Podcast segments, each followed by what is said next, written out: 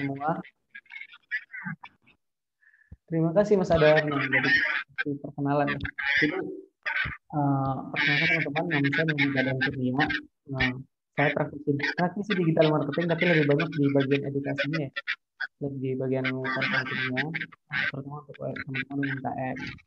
Nah, di sini kalau berkaitan Mas Adam untuk uh, sharing bareng ya Mas ya, belajar bareng, sharing bareng ini saya kasih sedikit profil aja.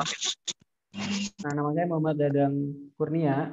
Um, ini tahun ke-6 saya di dunia digital marketing ya. Dulu saya main dari zaman broadcast BBM, BlackBerry Messenger. Nah, saya awalnya dari situ, terus uh, 2017 saya bikin web, mulai bikin web, terus saya ngiklan. Uh, saya coba platform-platform lain ya. Saya coba ada di sini Google, optimasi, Terus uh, saya juga hobi nulis di SEO dulu, termasuk juga SEO di YouTube. Bentar nih kok jadi hmm. okay, wait, wait, wait.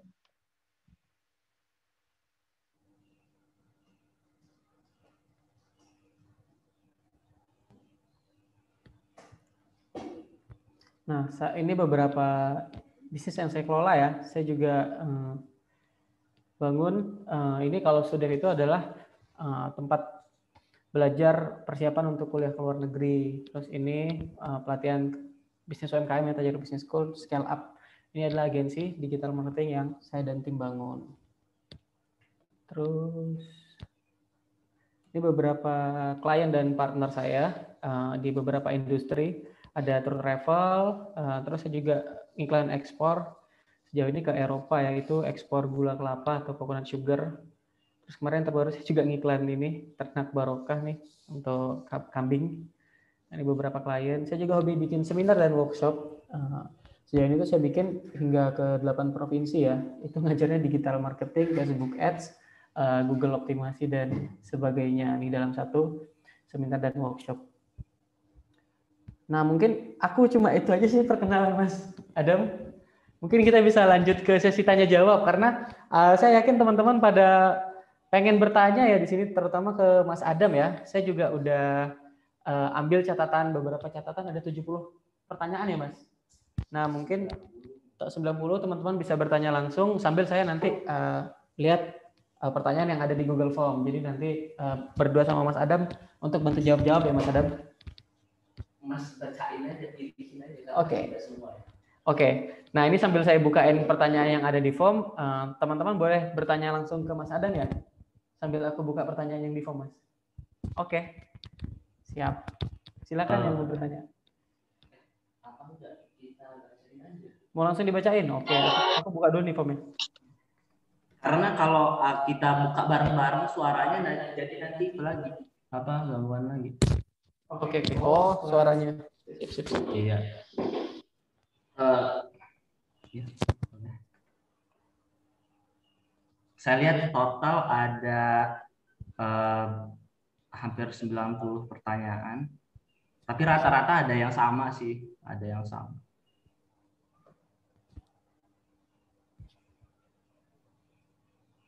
Oh, aku masih share screen. Ya. Ini ya, aku baca-bacain aja ya pertanyaannya.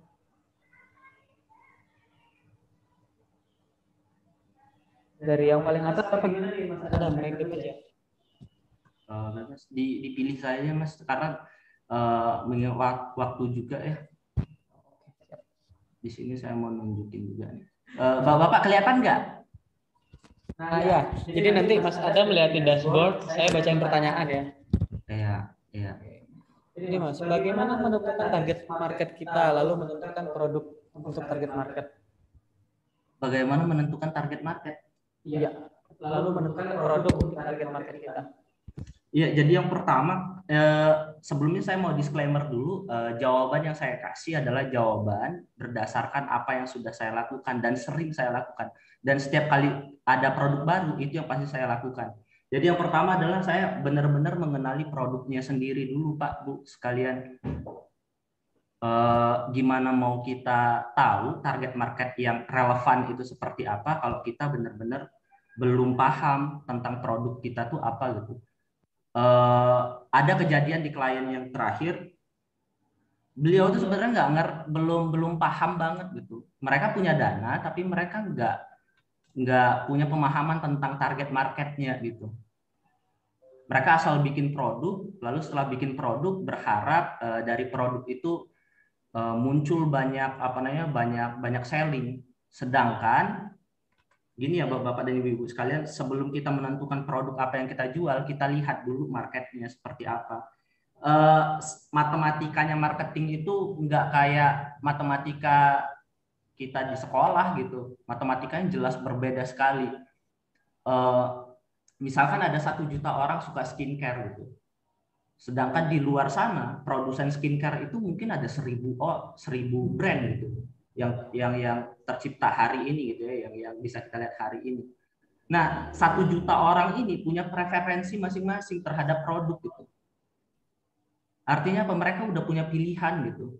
Mereka udah punya pilihan. Aku maunya Wardah, aku maunya uh, eh, MS Glow, aku maunya ini, aku maunya itu gitu.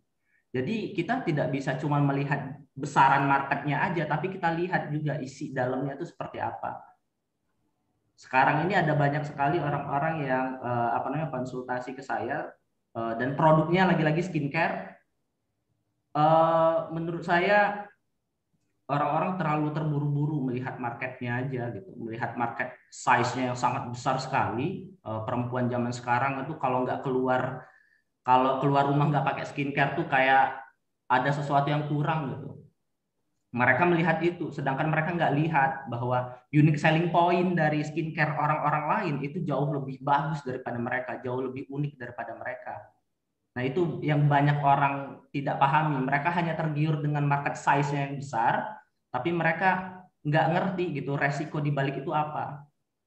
Menentukan produk juga kita harus tahu pain-nya dulu kan. Bapak dan ibu-ibu mungkin lebih paham daripada saya terkait hal ini gitu. Jadi sebelum kita jor-joran launching produk, kita harus kenali dulu siapa yang kita tuju, apa yang akan kita tawarkan, keunikan apa yang mau kita sampaikan ke mereka, masalah apa, masalah mereka apa yang bisa kita selesaikan dengan produk kita.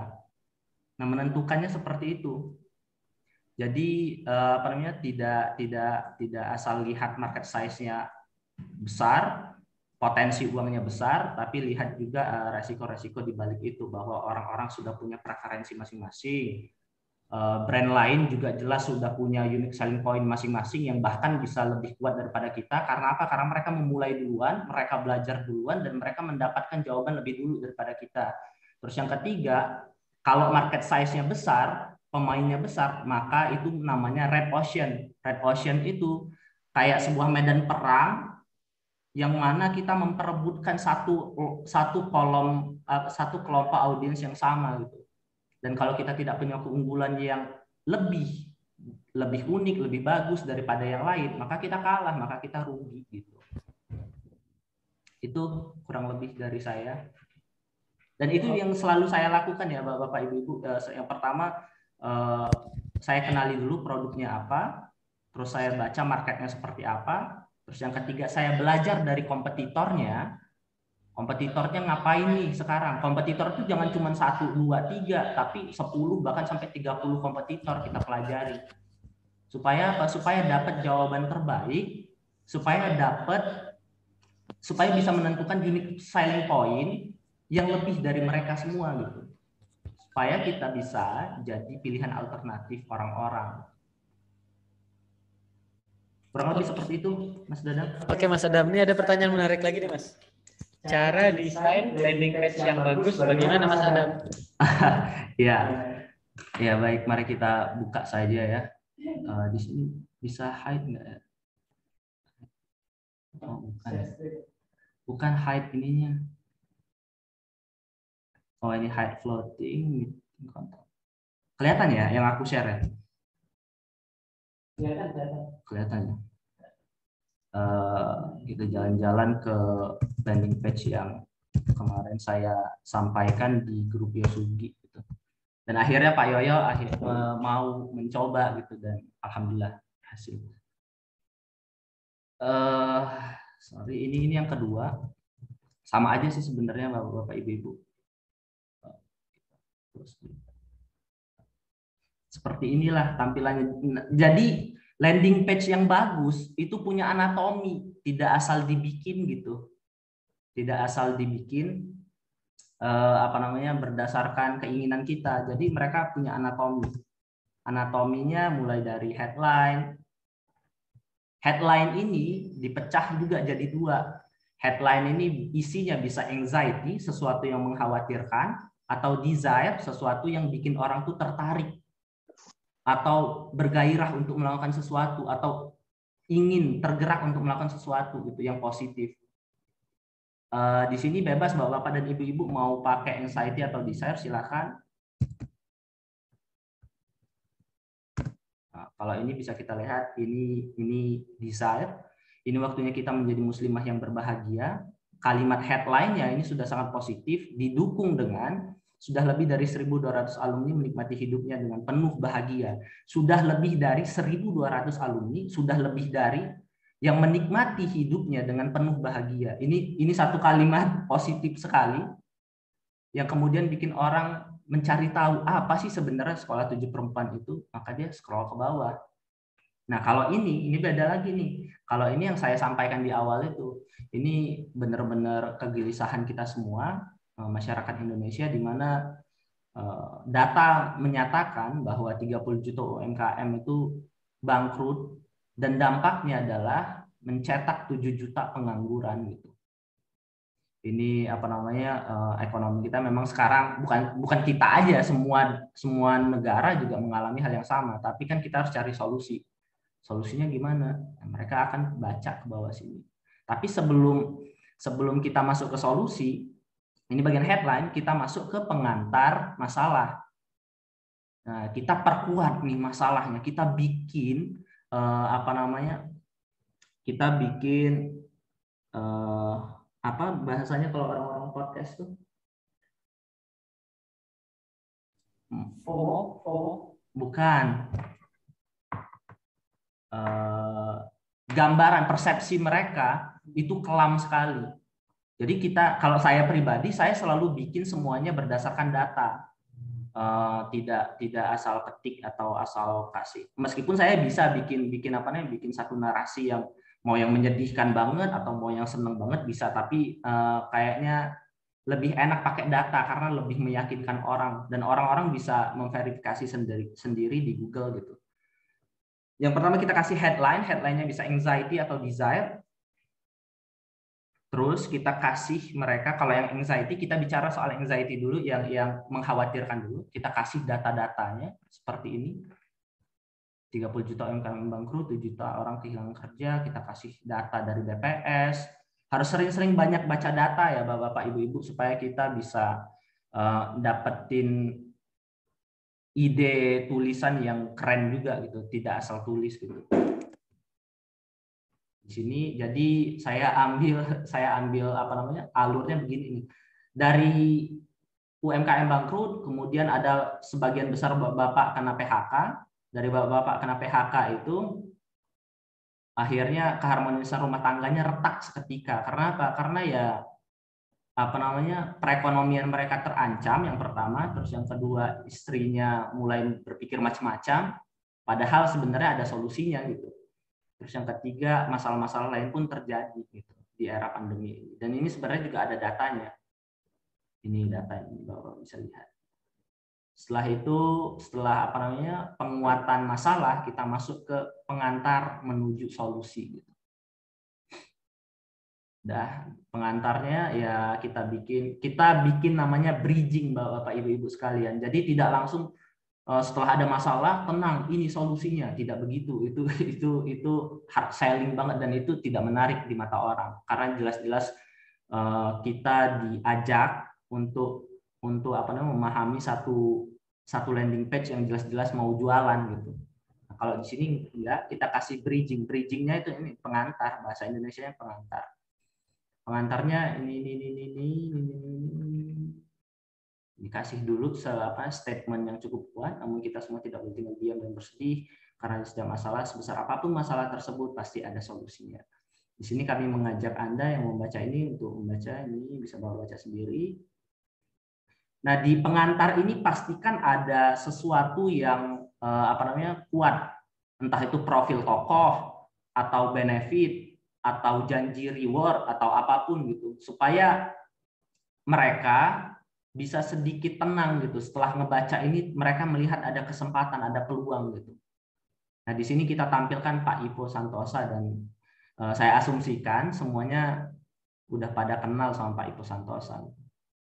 Setelah itu kita masuk ke bagian masih bridging. Bridging itu apa namanya pengantar menuju solusi, memukakan peluang sebesar-besarnya sebanyak-banyaknya untuk orang agar dapat bangkit dan berhasil melewati pandemi dengan kesuksesan. Beliau membuka program reseller ini ini ini ini terus ke bawah. Nah, nah di sini kita benar-benar uh, apa namanya mencitrakan produk kita sebagai solusi dari permasalahan yang kita pasang di atas. Kalau kalau apa namanya kalau temanya anxiety atau atau kekhawatiran atau sesuatu yang mengkhawatirkan, kita nggak boleh apa namanya citrakan produk kita itu lebih rendah daripada masalah yang kita tawarkan karena ya otomatis orang tidak mau percaya kan dengan produk kita. Makanya kita harus benar-benar citrakan produk kita sebagai solusi terbaik dari masalah di atas, bahkan sebagai satu-satunya solusi yang bisa ngebikin orang selamat dari masalahnya. Selamat ya, bukan cuma bangkit doang atau apa, tapi selamat dari masalahnya, keluar dari uh, jeratan masalahnya. Di sini Bapak-bapak, mungkin nanti uh, detailnya akan saya kirim lagi. Sebelumnya kan sudah pernah saya kirim ya. Kalau Bapak-bapak baca dengan teliti itu saya saya pasti nulis sesuatu yang benar-benar positif. Ya kan semua orang nulis dengan positif dong Mas pastinya iya, tapi ada yang nggak kuat gitu. Ada yang bahkan jomplang banget antara masalah A masalah ini bobotnya 100 tapi solusi produknya itu cuma 70 gitu. Makanya orang kadang pergi cuma ngeliat cuma ngebaca dong lah terus berarti masih ada, masih memungkinkan ada masalah lain yang hadir gitu. Sekarang enggak. Yang pertama kita kenalin produknya. Ini bebas ya Bapak. Selanjutnya yang pertama headline, terus pengantar uh, penguatan masalah, pengantar solusi, masuk ke solusi. Solusi itu ya produk citrakan produknya sebagai solusi terbaik, bahkan kalau bisa jadi satu-satunya solusi terbaik. Terus mulai apa penjabaran produk, produk ini sebenarnya apa, manfaatnya apa, kira-kira eh, apa namanya kesempatan yang bisa kita ambil dari dari bergabung sebagai reseller betis propolis atau produk-produknya Bapak itu apa gitu. Ini saya kenalin dulu. Ini jadi mengenalinya juga nggak nggak asal kita kenalin produk ini ini ini ini, tapi kita jelasin juga benefitnya supaya orang-orang itu mikir. Zaman sekarang kan orang-orang butuh ya apa namanya peningkat stamina dan lain sebagainya. Artinya sudah waktunya kita untuk jualan ini produk ini produk apa namanya peningkat kekebalan tubuh atau stamina dan apa namanya atau eh, produk-produk yang disebutnya zaman sekarang imun booster gitu ini kita lanjut ke varian ini, ada variannya lengkap. Kita kasih tahu juga mereka bahwa kita memiliki keunggulan-keunggulan yang sangat luar biasa. Pastikan selalu pakai kata-kata yang yang uh, hiperbola, tapi benar gitu, bukan bukan bukan apa namanya? Apa uh, clickbait, bukan clickbait, tapi hiperbola, tapi yang benar gitu. Kita kasih tahu mereka hasilnya terasa kurang dari 21 hari ini segala macam segala macam. Detailnya bukan bisnis ini kita sebut semua di dalam sini nah kita kasih apa namanya semacam penegasan bahwa keunggulan di atas merupakan uh, unique selling point yang membuat British Propolis ini jadi produk unggulan yang siap jual gitu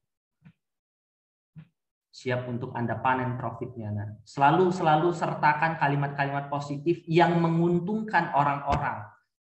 Entah produknya retail ataupun produknya apa namanya ditujukan untuk mencari reseller atau apa, pastikan posisikan produk kita itu jadi produk jadi satu-satunya produk yang bisa bikin mereka tuh lebih senang lagi hidupnya. Kalau sekarang itu kan orang-orang banyak yang butuh duit, jadi yang mau nggak mau kita bicaranya soal profit, profit, profit aja gitu. Setelah itu next, produk yang Anda baca di atas adalah produk terbaik dan produk yang paling dibutuhkan saat ini di masa pandemi.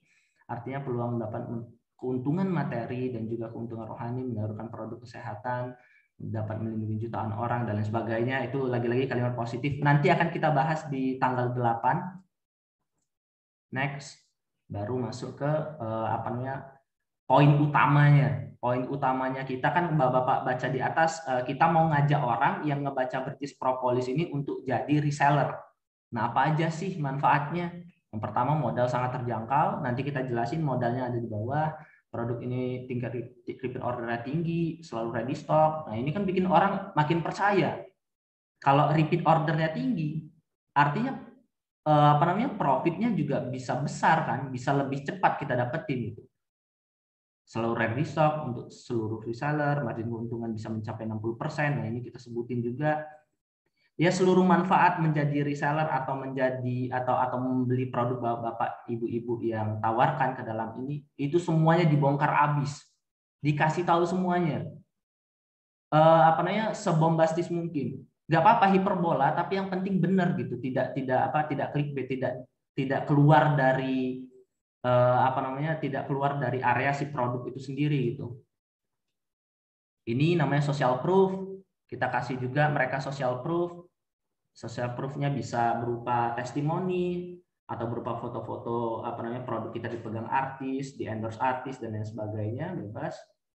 Semua benefit ini dikasih tahu juga diperjelas juga karena cuman gambar doang kan orang melihatnya uh, ada yang kagum doang, ada yang cuman memperhatikan doang, ada juga yang asal lewat aja gitu kan. Nah, di sini kita kasih, kita perkuat. Pokoknya di semua konten gambar yang ada di atas itu kita kasih kalimat kalimat penguat gitu. Supaya mereka mau terus apa scroll ke bawah. Oh ya sama satu lagi. Landing page saya tidak dikasih uh, tombol anchor. Tombol anchor itu tombol instan langsung masuk ke proses pembayaran. Tidak ada jadi saya benar-benar uh, mau memastikan orang-orang yang masuk ke landing page saya benar-benar paham apa yang saya tawarkan. Jadi saya nggak ada tuh yang kayak apa pengiklan lain atau pembuat landing page lain yang naruh uh, tombol check out itu di atas. Setelah orang ngeklik itu langsung ke bawah langsung ke silakan isi form di sini lengkapi apa namanya persyaratan administrasinya maka anda dapat ini tidak. Kalau saya pelan-pelan satu-satu per section itu saya kasih button dan buttonnya ini lari ke bawah-bawah terus gitu. oh iya sorry Wajah ini dibongkar semua Mas Adam. Iya, Eh btw ini yang punya Pak Yoyo. Jadi kalau punya Pak Yoyo, uh, formnya ada di luar.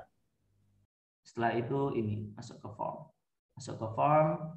Di sini orang-orang kita pasang pixel juga. Terus di sini setelah orang ngeklik dia tercatat juga sebagai apa. Nah itu itu kalau ini settingannya Pak Yoyo udah. Kalau saya cuma bikinin ini doang. Sama halnya dengan yang ini. Kalau yang tadi kita bicara tentang anxiety, tema yang mengkhawatirkan, kalau sekarang temanya yang membahagiakan. Uh, perlu bapak-bapak dan ibu-ibu ketahui dan saya yakin ya bapak-bapak dan ibu-ibu jelas lebih paham sih daripada saya soal psikologi uh, perempuan gitu uh, terutama perempuan yang sudah cukup dewasa gitu mereka itu senang disentuh sisi emosionalnya senang diajak melakukan sesuatu yang positif juga mudah untuk dipengaruhi dengan Eh, konten-konten atau headline-headline yang isinya anxiety atau mengkhawatirkan. Nah kalau di sini saya pengen karena memang uh, si uh, si pemiliknya ini pengen sesuatu yang ceria, mulai dari warna bapak bisa lihat semuanya pink, ya mau nggak mau kita pakai juga nih apa namanya tema yang positif juga. Sebenarnya kalau kita mau breakdown, ini semua udah kekuatannya semua. Ini waktunya kita menjadi muslimah yang berbahagia. Ini waktunya itu kan sudah bikin orang uh, ngebaca sebenarnya apa sih yang bikin muslimah yang berba muslimah ini jadi berbahagia di sini gitu. Sudah lebih dari 1200 alumni menikmati hidupnya dengan penuh bahagia. Menikmati hidupnya itu sangat positif dengan penuh bahagia. Makin positif lagi.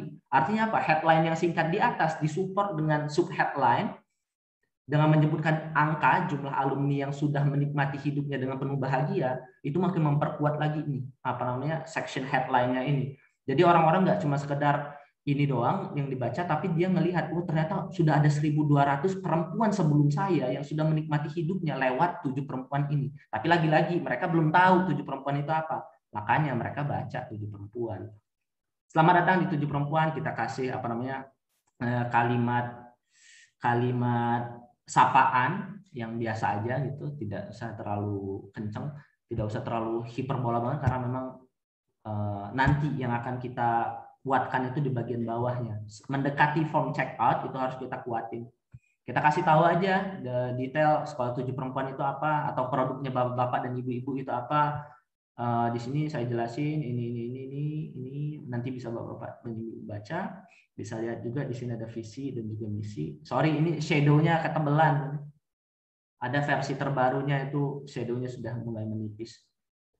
Membantu mewujudkan ini. Kalau untuk produk digital, terutama kelas online, itu saya saranin kasih visi dan misinya supaya makin jelas gitu, makin jelas orang-orang makin tahu juga kira-kira tujuan dari sekolah ini apa ya, misi dari sekolah ini apa ya. Ini untuk memperkuat uh, apa namanya uh, apa namanya kredibilitas dari produk yang kita tawarkan. Gitu. Jadi kita punya tujuan yang jelas dan misi yang jelas gitu. Setelah itu orang akan baca ke bawah. Nah, lagi-lagi di bagian atas ini Bapak-bapak dan Ibu-ibu bisa lihat alhamdulillah wa syukurillah. Karena memang ini 100% di di apa akses oleh eh, ibu-ibu uh, yang beragama muslim, yang beragama Islam. Jadi saya langsung kasih aja apa namanya kalimat-kalimat yang islami gitu. Alhamdulillah syukurillah. Orang kan ngebacanya sembari sembari semangat ya Mbak. Ngebaca ini kan ini kan kalimat yang positif sekali gitu. Alhamdulillah Allah berikan kemudahan kepada kami untuk menyebarluaskan informasi kebaikan dari tujuh perempuan kepada dunia. Kepada dunia benar-benar kepada dunia. Jadi muridnya itu nggak cuma di Indonesia aja tapi di dunia. Meskipun di perwakilan dari masing-masing dunia itu kayak dari apa namanya yang terakhir Belgia itu satu orang, tapi tetap aja kan dunia gitu kan. Karena dari ibu yang satu itu yang ada di Belgia, kita harapkan dia bisa menyebarluaskan juga informasi tentang tujuh perempuan, karena memang tujuh perempuan ini adalah produk yang bagus untuk ibu-ibu. Lagi-lagi kita perkuat, telah diikuti 1.200 peserta, diikuti oleh peserta lima negara, tiga benua, ini sangat luar biasa sekali, meskipun lagi-lagi eh, jumlahnya tidak banyak. ya apa jumlahnya paling ya di bawah 10 orang tuh totalnya dari lima negara itu. Ilmu yang relevan dan aplikatif terbukti berhasil dan menjadi solusi. Kita harus berani citrakan produk kita seperti ini. Dan nanti akan kita dukung dengan uh, apa namanya social proof di bawahnya. Social proof itu yaitu tadi berupa testimoni atau atau apa namanya rekaman video ibu-ibu ngomong tentang tujuh perempuan, kesan-kesannya seperti apa. Nah, itu kita kumpulin di bagian bawah nanti. Itu baru beberapa, itu baru beberapa pencapaian positif di awal batch lo. Eh, sekarang pasti eh, Puan, kita manggilnya Puan, hmm, penasaran tentang tujuh perempuan lebih jauh kan daripada berlama-lama, yuk kita baca bersama masalah apa yang bisa diselesaikan. Nah, di sini di sini kita kasih tahu mereka masalah apa sih yang sudah dipecahkan. Eh, masalah ibu-ibu apa sih? Apa aja sih yang udah di, udah berhasil kita temukan solusinya di tujuh perempuan ini? Ada banyak tuh ini masalah menurutnya keharmonisan hubungan antara eh, ibu-ibu uh, dengan anak dan suaminya ini segala macam. Nanti bapak-bapak dan ibu-ibu bisa baca dan lebih detail. Dan masih banyak lagi kita kasih tahu masih banyak lagi. Intinya semua permasalahan dalam tujuh peran kita sebagai perempuan dijawab dengan jawaban terbaik. Ini ini ini ini, ini, ini. bisa bapak baca lebih detail. Dan ini ya sama satu lagi saya mau kasih satu lagi. Uh, jadi uh, permainan bold itu mempengaruhi emosi dari setiap kalimat yang kita tulis gitu. Jadi kalimat itu usahakan punya punya emosi, punya nyawanya sendiri gitu. Dan supaya nyawanya kuat, maka kita kasih bold aja. Banyak sekali orang tidak tidak benar-benar memberi apa tidak benar-benar menggunakan font yang tegas untuk untuk untuk apa namanya untuk menegaskan benefit dari produknya atau apa yang pernah produknya atau apa yang berhasil produknya selesaikan dan lain sebagainya. Nah, itu mempengaruhi kekuatan dari sebuah kalimat. Nah, kalau saya konselnya sampai ke situ sih, sampai ke detail itu semua masalah di atas dan ribuan masalah lainnya terjawab dengan tuntas. Kenapa kita sebut ribuan? Karena memang sudah ada 1.200 ibu-ibu. Meskipun uh, bisa ada beberapa orang mengasumsikan kan masalahnya ada yang sama-sama. Iya, tapi kan datang dari 1.200 cerita yang berbeda. Nah, ini ini jadi jadi apa namanya? jadi salah satu unique selling point-nya tujuh perempuan.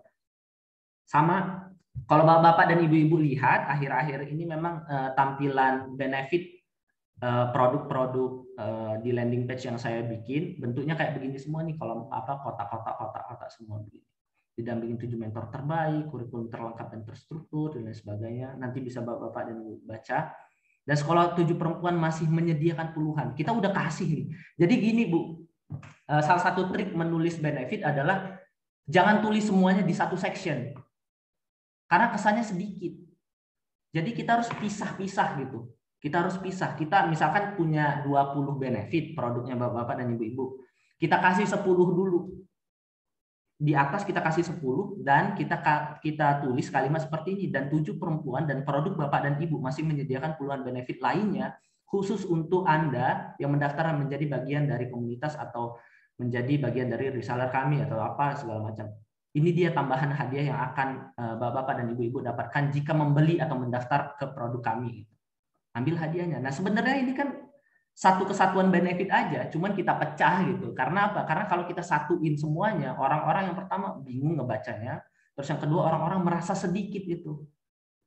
Nah caranya supaya kita apa namanya supaya psikologi orang yang membaca menganggap ini adalah eh, apa namanya bonus yang eksklusif, bonus yang banyak, yang berlimpah gitu, maka kita pisah. Kita kasih bridging, tetap ya pakai bridging. Bridging itu lagi-lagi saya sebut saya sebut bridging itu adalah pengantar atau jembatan menuju uh, apa namanya info di bawahnya. Harus pakai itu karena enggak karena nggak masuk akal kalau kita udah kasih ini terus di bawahnya kita kasih begini gitu. Kalau saya sih lebih lebih suka uh, tambahan bridging seperti ini. Ada tambahan bonus eksklusif untuk yang hari ini mendaftar. Benefitnya ini nih kita kasih aja, kita kalkulasi sendiri aja, apa namanya estimasi aja, kira-kira harganya berapa sih? Meskipun ini kok ini ini uh, milik milik pribadi, milik milik tujuh perempuan sendiri, propertinya tujuh perempuan sendiri, semuanya cuma kita kasih apa namanya nominalnya, kira-kira harganya berapa sih bonusnya ini? Kita kasih aja. Kalau kalau saya nulisnya dua juta tiga ratus lima puluh sembilan ribu, itu asal aja sih sebenarnya. Materi bonus eksklusif kita tampilkan di sini secara detail ini bapak-bapak bisa baca nanti lebih detail ya, lebih dipahami lebih detail. Karena memang memahami isi landing page itu saya pribadi juga butuh waktu yang panjang gitu untuk apa namanya menganalisa kompetitor dan mencari tahu unique selling point dari kompetitor karena nggak bisa singkat gitu. Semua bonus di atas bisa Anda dapatkan sekarang juga, jangan tunda dan tunggu waktunya habis karena ini sangat dibutuhkan oleh semua muslimah bisa Bapak ganti karena ini sangat dibutuhkan oleh semua orang saat ini gitu atau apa gitu atau atau tulis tulis sesuatu yang sangat kuat di sini. Puan berhak mendapatkan kesempatan ini daftar sekarang juga. Kita klik, kita kasih tahu lagi mereka bahwa ada manfaatnya.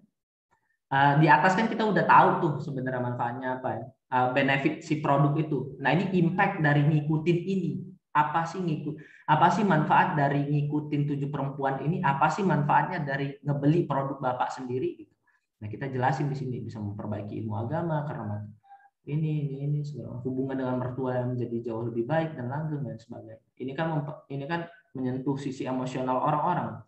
Saya ingat banget 2018 saya pernah ngebikin konten tentang mertua secara organik berdasarkan riset tentunya eh, dan satu minggu kemudian kami mengumpulkan kurang lebih 900 calon reseller secara organik. Kalau kita ngiklan itu butuh waktu dan budget yang tidak sedikit. Budgetnya bisa sampai puluhan juta tuh.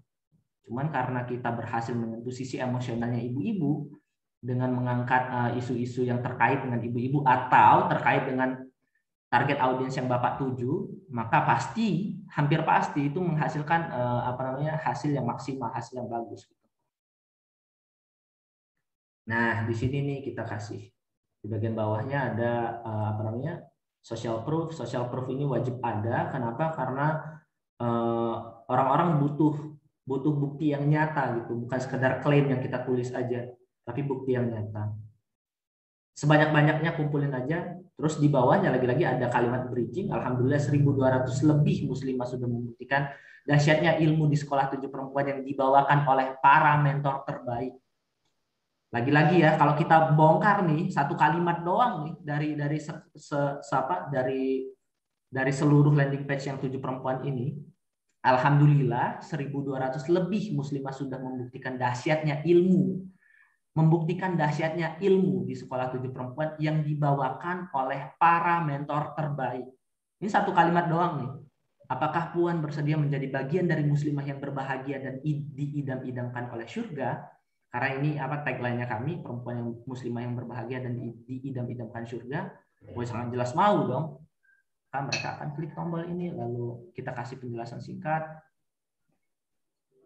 kita sebutin lagi jumlah pesertanya berapa ini ini ini, ini. Uh, jadi ada repetisi.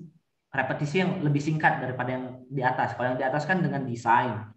Kita desain itu ada apa namanya ada tulisan bahwa 1200 lebih peserta membuktikan segala macam. Kita kasih kotak-kotak segala macam. Bapak-bapak lihat tadi kan ibu-ibu juga. Nah sekarang kita bikin versi singkatnya aja. Kita repetisi ulang kita repetisi uh, kalimat yang sudah kita sampaikan di atas supaya orang-orang tuh uh, apa namanya tertanam di dalam pikirannya bahwa ini adalah kelas yang bagus. Sudah 1.200 lebih peserta membuktikan manfaatnya, membuktikan manfaat belajar dari tujuh perempuan ini dan lain sebagainya. Sudah diikuti oleh perempuan dari lima negara yang terpisah oleh tiga benua, Asia, Australia, dan Eropa. Tambahan benefit dan bonus jutaan rupiah. Semuanya disebutin, tapi sesingkat mungkin. Biar apa? Biar orang udah fokusnya ke daftar aja, biar memancing keterdesakan dalam diri mereka untuk untuk mendaftar segera gitu. Jadi jangan dikasih kalimat basa-basi yang panjang banget, banyak sekali lagi-lagi. Saya kan eh, sering tuh di, dikirimin orang-orang, Mas Adam minta tolong review dong eh, landing saya ini macam-macam produknya bapak-bapak dan ibu-ibu sekalian. Nah, pas di di bagian check out ini kan udah masuk, ini kan udah masuk apa namanya uh, pengantar menuju check out ya. Itu panjang sekali dia tulis. Dan dan dan kadang sering kali tulisannya itu justru malah malah kekuatannya malah tergradasi gitu. Malah jadi abu-abu nih ke sini nih. Orang mulai bingung kan segala macam. Nah itu Nah sama biasanya saya kasih ini nih, eh, saya saya lempar pertanyaan, pertanyaan personal. Mereka kan bakal nanya, sebenarnya ini cocok nggak sih buat aku? Oke lah, dia mereka mereka udah tahu keunggulan produk kita, tapi produk ini cocok nggak buat mereka? Kita sampaikan, cocok kok. Ini ini ini ini ini kita bisa sampaikan. Produk ini sangat cocok untuk ini ini ini ini. Next. Oh ya, ini ini ini gimmick doang bisa bapak-bapak dan ibu lewatin. Kita di sini kenalin Meskipun di atas mereka udah lihat gambarnya ya, tapi di sini secara khusus kita kenalin eh, mentor-mentornya. Mentor-mentor nggak terkenal kok, biasa aja. Tapi kenapa bisa tembus sampai 100 juta bahkan lebih eh, di bulan kemarin kita tembus 148 juta ya karena value yang kita tawarkan itu bagus. Itu yang diinginkan oleh orang-orang. Ini jadwal. Eh, kalau untuk produk digital terutama kelas online memang agak sedikit ribet ya agak sedikit itu karena kita harus kenalin mentornya kita harus kasih tahu jadwalnya kapan kita harus kasih tahu backgroundnya mereka siapa tapi didesain secantik mungkin sebagus mungkin gitu. Semua mentor akan mengisi hari-hari puan selama dua bulan dengan ilmu dan kebahagiaan. Enggak, terus kita ke bawah lagi ada ada apa namanya? Ada section penguat penguat da, apa penguat trust orang-orang terhadap sekolah tujuh perempuan. Dan kita masuk ke bagian check out. Check outnya begini nih. Ya sederhana sih check outnya. Promo bahagia dari rumah. Ini gimmick lagi-lagi. Bapak-bapak ibu-ibu bisa bikin judul promo masing-masing yang jauh lebih keren daripada ini. Silakan. Nanti kita belajar juga copywriting ya Cukup dengan 350 ribu, Puan sudah berhasil mendapatkan semua benefit eksklusif di atas, ditambah dengan bonus-bonusnya, menjadi muslimah yang cerdas dan bahagia seperti 1.200 alumni yang tersebar di lima negara, sorry ini typo dan tiga benua. Nah, kita kasih lagi tuh, lagi-lagi ada repetisi, lalu masuk ke form check out, dan sudah. Setelah itu ya kasih gimmick di bawahnya saya lebih suka nyebutnya gimmick karena memang ini sebenarnya tidak terlalu berdampak besar sih. Yang berdampak besar itu yang di atas-atas tadi tuh eh, masalah, pengantar masalah, masuk ke pengantar solusi, produk kita, produk knowledge kita, manfaat dari produk kita, uh, apa namanya peluang yang bisa didapatkan dari orang-orang menikmati produk kita itu apa, promosinya seperti apa, dan udah paling footer. Nanti akan saya kirim di itu apa di grup uh, apa namanya anatomi landing page yang sudah saya pakai uh, sejak lama. Bahkan saya belajar tentang landing page ini mungkin ada 18 jam sehari itu hampir dua tahun terakhir untuk menemukan landing page keren, yang keren. Ya. Dijelaskan semua nih.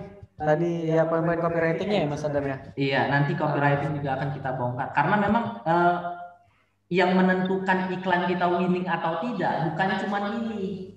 Bukan cuma ini, ada banyak hal. Jadi relevansi audiens yang pertama itu, terus yang kedua eh, kekuatan dari konten visual kita, terus yang ketiga eh, kekuatan dari copywriting kita, terus yang keempat baru landing page kita, dan kelima promosi yang kita tawarkan seperti apa. Gitu. Strategi promosi ya. Mm -mm.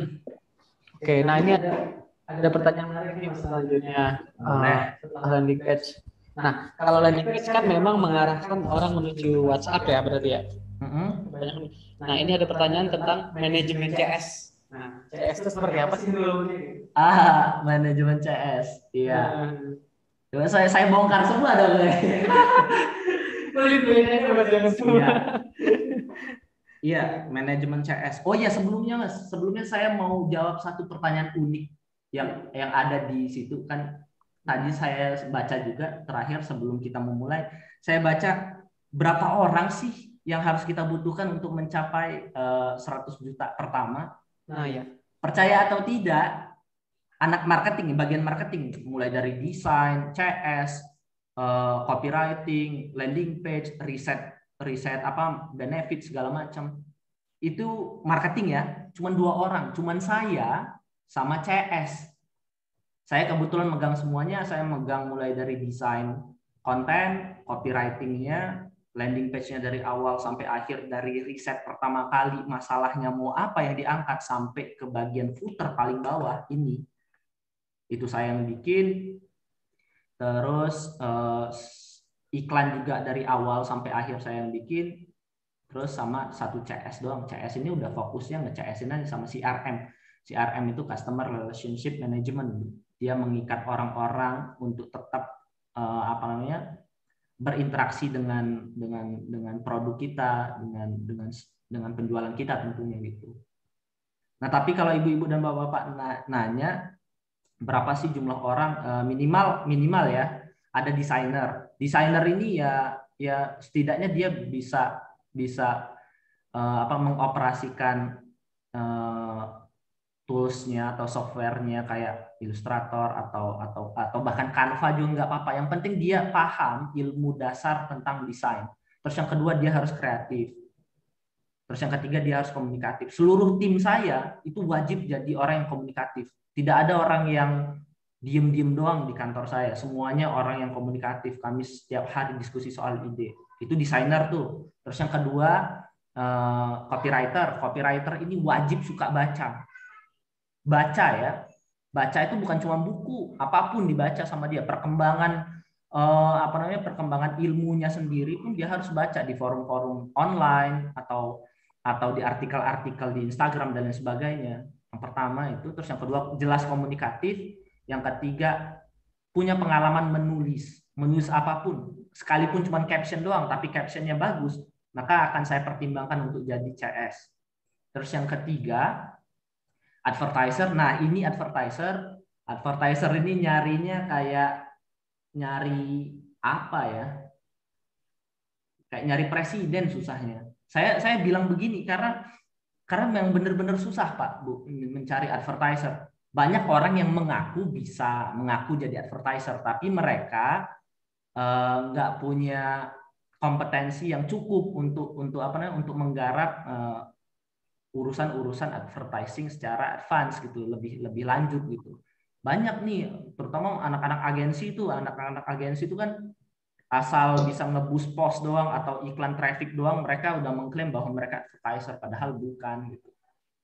Saya aja mencari ini butuh waktu berminggu-minggu untuk akhirnya mendapatkan orang-orang terbaik yang mengisi posisi advertising gitu, advertiser. Uh, advertiser ini yang pertama dia harus paham, benar-benar paham tentang uh, apa namanya seluruh, tidak seluruh ya, tapi beberapa platform periklanan yang saat ini lagi booming. Kalau saya pribadi saya nyarinya anak Facebook Ads sih, Facebook Ads dan Instagram Ads sama Google Ads.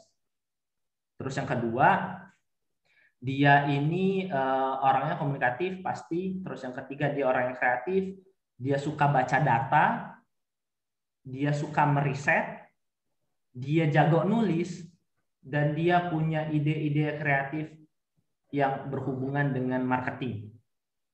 Advertiser menurut saya, ini di mata saya ya, tentu bapak-bapak, ibu-ibu bisa jauh lebih spesifik lagi ataupun tidak itu nggak apa-apa.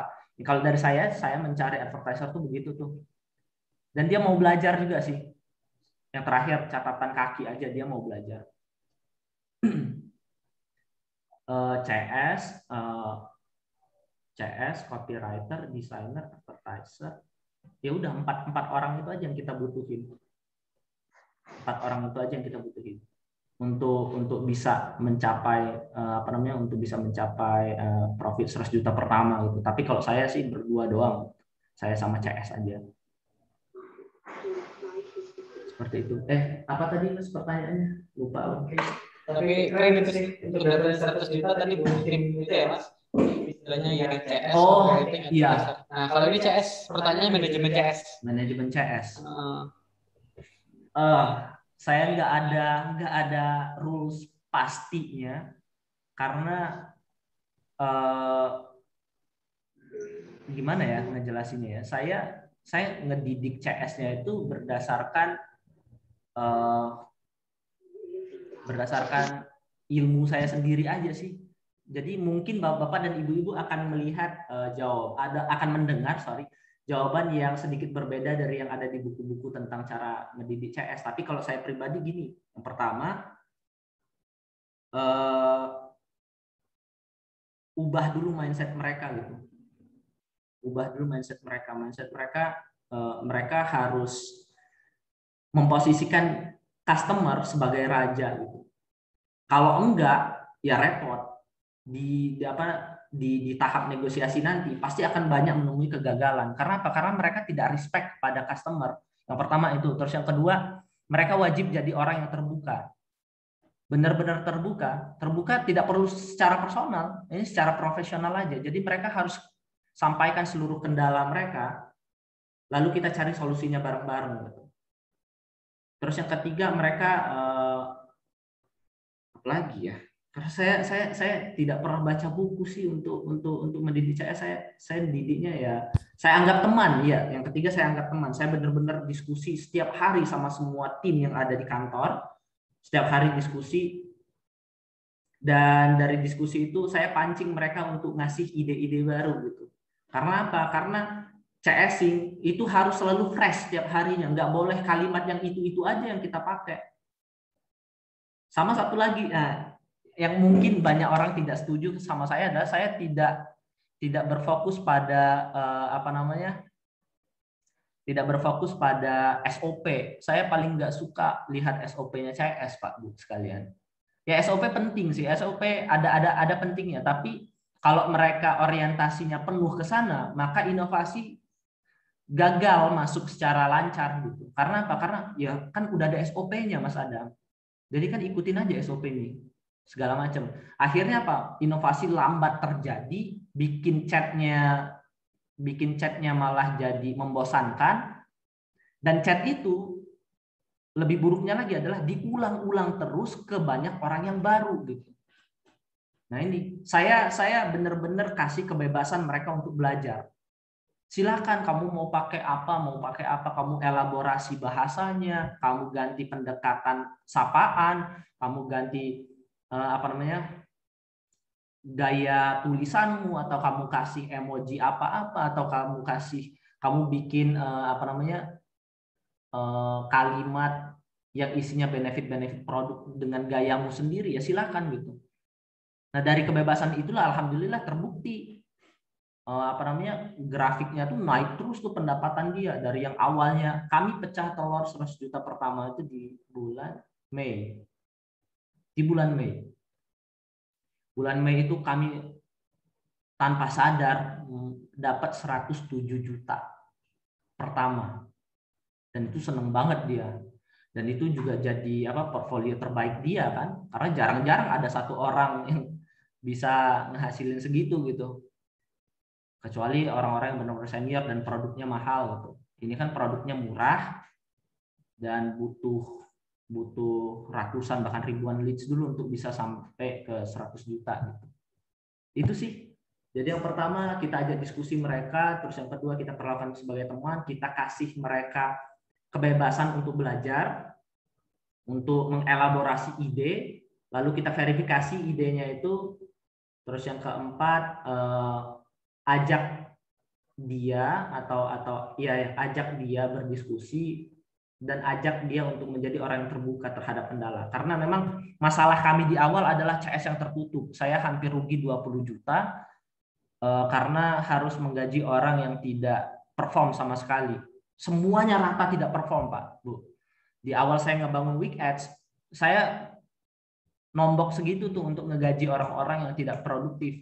Setelah itu saya ubah caranya karena waktu itu kami fokus banget ke SOP, SOP-nya juga nggak diganti-ganti, malah malah merusak seluruh apa skema skema itunya apa namanya distribusi leads-nya. Leads-nya udah bagus banget, tapi ternyata tidak tidak apa namanya tidak di tidak didukung dengan kemampuan CS yang baik gitu. Itu sih alhamdulillah sekarang mah udah udah lancar banget ya karena dia juga udah makin mencintai itunya apa namanya ke, uh, tugasnya dan ya itu kurang lebih dari saya seperti itu terkait CS. Oke, keren. Lengkap tuh kurikulum CS. nah, ini kita sudah baca-baca pertanyaan lain ya. Jadi uh, poin-poinnya di sini Mas Adam uh, kan aku bagi ke tiga tahap sih kemarin ada tahap pemula, pengembangan, sama pemantapan. Pemantapan itu kan udah konversi. Nah, ini banyak itu yang isi formnya kan pemula tuh. Nah, jadi banyak pertanyaan yang kayak gini nih. Bagaimana cara paling mudah nih memulai digital marketing? Tuh, bagaimana cara mengawalinya atau memulainya? Nah, kan masih sama ya. Nah, jadi poin-poin bagaimana cara memulai itu Mas yang paling banyak pertanyaannya. Coba Mas Adam Iya. Hari ini memulai apa nih Mas Adam apa ini? Uh, uh, lucu sih ya. Ba bagaimana cara memulainya? Bahkan ada yang nanya bagaimana cara termudah untuk memulainya gitu. Uh, saya pribadi uh, ini ini ini ini ini dari pandangan seorang advertiser dulu ya Pak ya. Sebelum masuk ke bisnis, uh, saya pribadi dulu anak mesin, saya bukan anak marketing sama sekali. Dan kenapa akhirnya saya mau mendalami digital marketing? Karena saya lihat potensinya luar biasa. Digital marketing itu apa namanya terutama profesi saya profesi yang sudah saya jalani sangat lama, cukup cukup lama, sorry, tidak sangat lama, baru tiga tahun lebih, uh, adalah profesi yang paling dicari oleh dunia saat ini di bawah web developer digital marketer itu sangat sedikit sekali. Bahkan gini, uh, secara spesifik uh, Statista melaporkan bahwa baru ada 8 juta pengiklan aktif di Facebook. Sedangkan Facebook platformnya besar sekali, nggak cuma Facebook doang, tapi ada Instagram juga, ada yang lain-lain. Baru 8 juta orang, dan di Indonesia tuh cuma berapa uh, sedikit kok pokoknya orang-orang yang punya keahlian sebagai uh, digital marketing digital marketer. Nah, kalau kenapa akhirnya saya mau mendalami itu karena saya karena saya melihat peluangnya, potensi besarnya, bahkan sampai hari ini sangat dibutuhkan. Terus yang kedua, eh, potensi untuk mengenerate uangnya juga jauh lebih besar karena memang dibutuhkan. Terus yang ketiga, eh, apa ya? Saya merasa butuh gitu. Saya merasa butuh uh, waktu itu saya uh, benar-benar bingung gitu sebenarnya ini bidang saya atau bukan sih. Tapi pada akhirnya karena saya baca kesempatan-kesempatan itu kemudian muncullah kebutuhan dalam diri saya untuk belajar terus untuk meningkatkan uh, apa namanya ilmu saya dari yang junior terus bertumbuh, bertumbuh dan bertumbuh gitu. Nah, kalau bicara soal bisnis, cara termudahnya adalah dengan dengan memahami bahwa saat ini satu-satunya jalan terbaik untuk tumbuh, untuk menumbuhkan bisnis kita adalah dengan masuk ke dunia digital marketing. Iya, kan saya di awal sudah sampaikan, bahkan datanya bapak-bapak dan ibu-ibu bisa lihat tadi di salah satu apa namanya di salah satu landing page yang sudah saya bikin. Ini landing page-nya Pak Yoyo. Uh, ini, ini UMKM. Kita ini UMKM lah maksudnya ya. 30 juta bangkrut dan mungkin Bapak juga merasakan dampak dari pandemi ini. Ya satu-satunya jalan adalah dengan itu, dengan masuk ke dunia digital. Beradaptasi dengan digitalisasi membuat kita selamat dari yang namanya eh, apa namanya masalah-masalah kayak eh, semakin berkurangnya jumlah pengunjung ke toko offline kita atau semakin berkurangnya pembeli kita dan sebagainya kita harus pahami bahwa ini jadi salah satu solusi terbaik saat ini. Itu terus eh, sama satu lagi semakin cepat kita masuk ke dunia digital, maka semakin cepat pula kita melihat progres yang positif ke depannya untuk untuk apa namanya untuk eh, produk kita maupun perusahaan kita. Karena sekarang ini peningkatan traffic itu eksponensial loh Bapak dan Ibu sekalian. Kita kita bisa baca ya, Bapak dan Ibu-ibu bisa lihat sendiri datanya di luar sana di apa Google masing-masing. Pertumbuhan jumlah pengguna sosial media, bahkan arus traffic dunia maya, bahkan di Google dan lain sebagainya, itu meningkat pesat selama pandemi ini. Orang-orang nggak bisa eh, leluasa keluar ke sana kemari karena memang uh, banyak batasan termasuk termasuk juga ppkm dan lain sebagainya yaitu solusinya adalah dengan beriklan masuk ke dunia digital kita kita kirim informasi produk kita melalui internet ke mereka.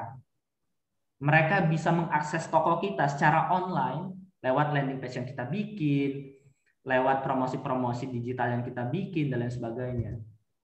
Dan semakin cepat kita masuk ke dunia digital maka akan semakin cepat pula kita melihat progres positif uh, apa namanya pertumbuhan uh, bisnis kita. Meskipun uh, digital marketing tidak semudah yang kita bayangkan dan digital marketing perhitungannya tidak sama dengan matematika pada umumnya karena apa karena ada algoritma terus ada kompetitor yang lebih dulu terus ada apa namanya eh, irisan-irisan dari audiens. Terus ada yang lebih serem lagi nih perubahan perilaku audiens.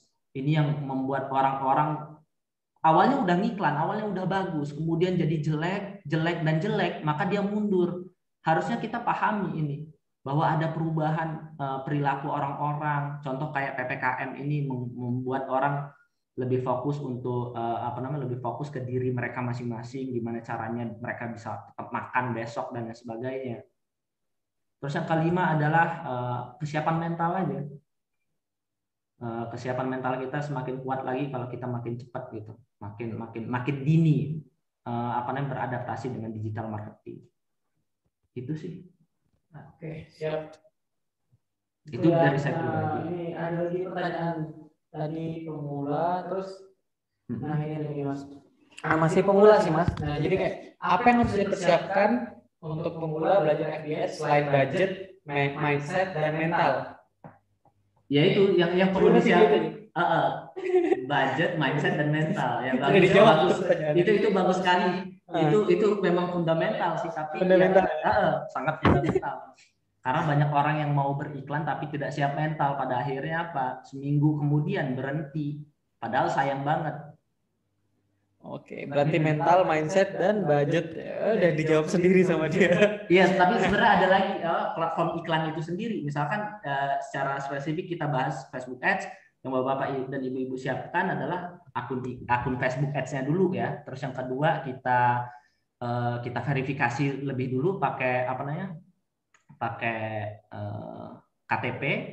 Setelah itu baru masuk ke bagian selanjutnya kita bikin halaman Facebook. Setelah bikin halaman Facebook, kita juga bikin uh, mulai bikin apa namanya akun lengkapi dulu. Setelah itu kita bikin uh, lengkapi akun iklannya, kita lengkapi bisnis infonya dan lain sebagainya. Itu nanti akan ada sih detailnya karena Nah, itu teknis ya. Ini uh, Mas Adam kita lagi ngerancang itu ya Mas uh, untuk teknisnya ya. Uh, Yang poin-poin tadi kan, Iya, fanspage, eh, setting pembayaran, setting gitu ya.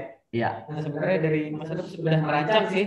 Jadi Hmm. nanti teman-teman tinggal ikutin video tutorial berarti ya Mas. Iya ada yang insya Allah kita akan rilis di apa namanya YouTube. Ya. Nah ini juga nih bagaimana memulai sementara belum punya produk. Nah kalau Mas Adam gimana Mas? Belum punya produk ya Mas? Sama saya juga belum punya produk.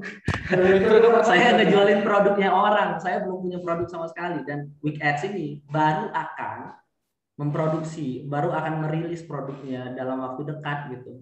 Eh, kalau belum punya produk gimana? Ya belajar dulu aja tentang digital marketing.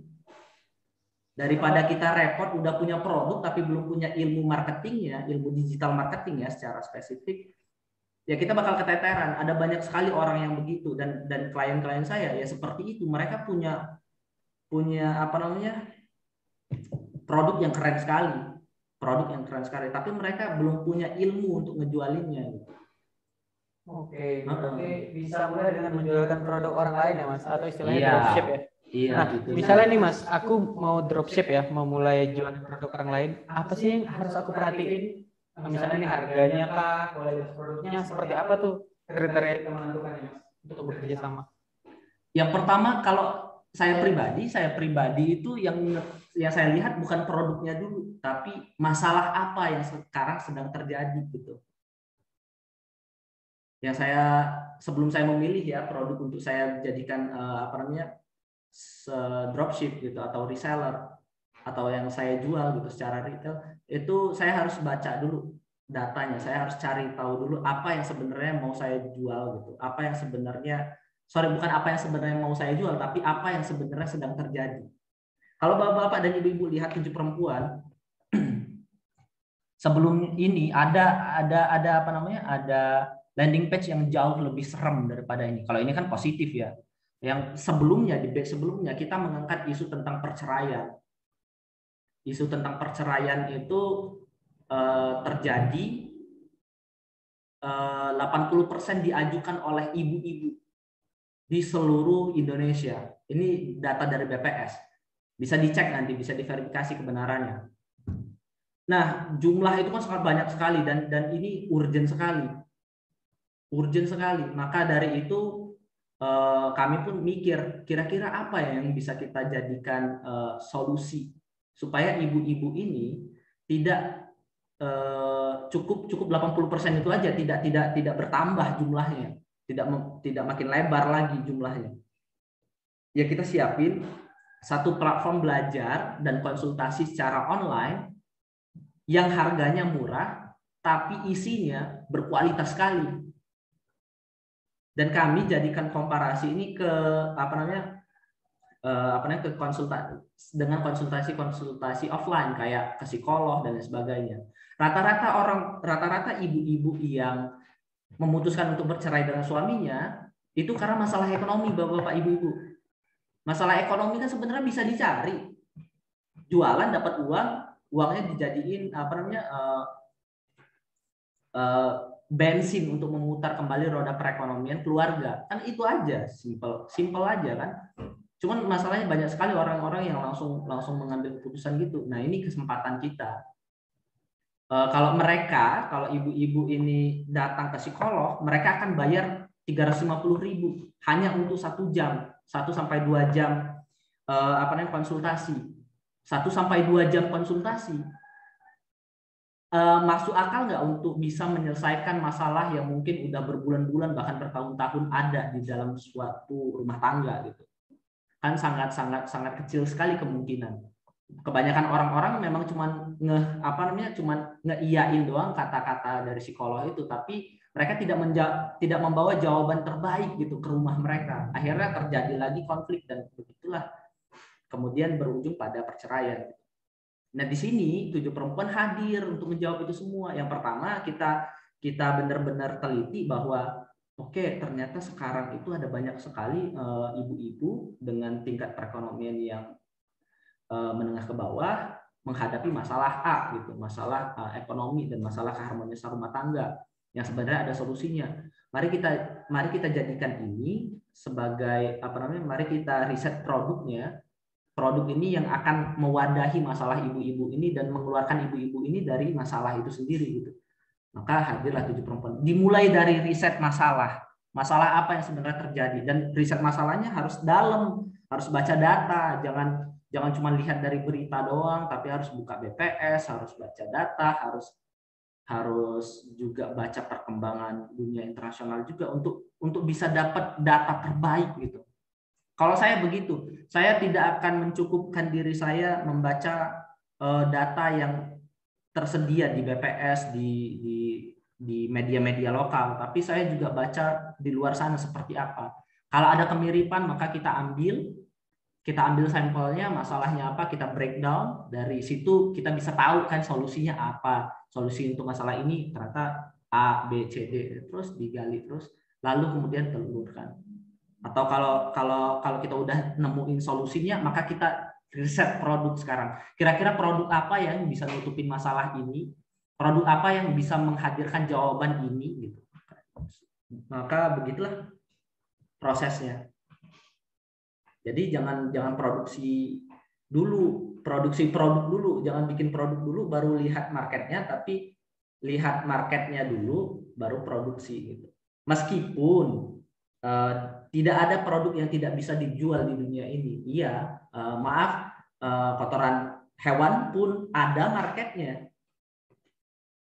Yang kita anggap tidak berarti bahkan tidak ada harganya sama sekali itu ada pasarnya, bisa dijual kok tapi kan kita harus tahu ke mana tempat menjualnya. Eh, kita juga mulai apa memperhitungkan kira-kira besaran benefitnya, apa besaran profit yang kita dapatkan berapa, efektivitas ini berapa, apakah bisnis ini atau produk ini long last atau justru cuma dalam waktu dekat doang dan lain sebagainya. Itu sih. Oke. Mas. Dan itu ya tadi. Nah ini ada lagi nih. Jadi kan di form itu kita batasi mas uh, kita pisah-pisah nih mas ada yang tahap satu pemula tadi ya dua pengembangan tiga pemantapan nah ini saya ambil satu pertanyaan yang dari pemantapan ternyata di sini ada juga yang sudah rutin iklan mas. Jadi dia cuma butuh skill skill upnya seperti apa. itu pertanyaannya itu lagi skill up masalahnya seperti apa. Nah itu pertanyaan pertama. Terus pertanyaan dulu untuk pemantapan saya pernah jalan iklan mas. Biasanya tujuh hari. Hari dua tiga empat hasil bagus. Saya masuk lima enam tujuh hasil jelek dari segi yang masuk. Nah itu kan ketidakstabilan. Nah bagaimana Mas Adam menghadapi itu? Gitu. Iya, kalau saya sih yang pertama baca datanya ya. Saya nggak akan. Kalau dulu sih iya, saya saya saya kan juga udah bilang di grup juga. Saya dulu mainnya kill and launch. Terus setelah itu saya bertaubat dari itu. Saya bertaubat dari apa namanya Eh, cara main begitu karena memang uh, iklan itu butuh butuh apa namanya butuh perlakuan khusus gitu uh, banyak hal yang membuat iklan kemudian jalannya jadi enggak enggak apa namanya enggak stabil yang saya pelajari adalah terlalu sering mengutak atik budget terus yang kedua lambat mengambil keputusan uh, terhadap performa iklan itu sendiri. Jadi jadi kita udah tahu nih di tiga hari pertama kan kita sudah bisa mengevaluasi ya dan dan memproyeksikan ke depannya iklan ini bagus apa enggak berdasarkan data. Lagi-lagi pakai data, jangan nggak pakai data. Karena apa? Karena kalau nggak pakai data ya kita nggak akan pernah nemuin apa namanya uh, cara menyelesaikan masalah terbaik di dunia digital marketing saya baca baca baca datanya seperti apa. Setelah itu saya pelajari lagi, misalkan contoh contoh kayak begini ya. Langsung aja deh. Di sini Bapak bisa lihat reach nih. Oh iya, bulan Juli uh, iklan saya tidak perform dengan maksimal. Tapi insya Allah di bulan Agustus akan ada banyak kejutan baru dari iklan saya. Jadi yang pertama begini nih.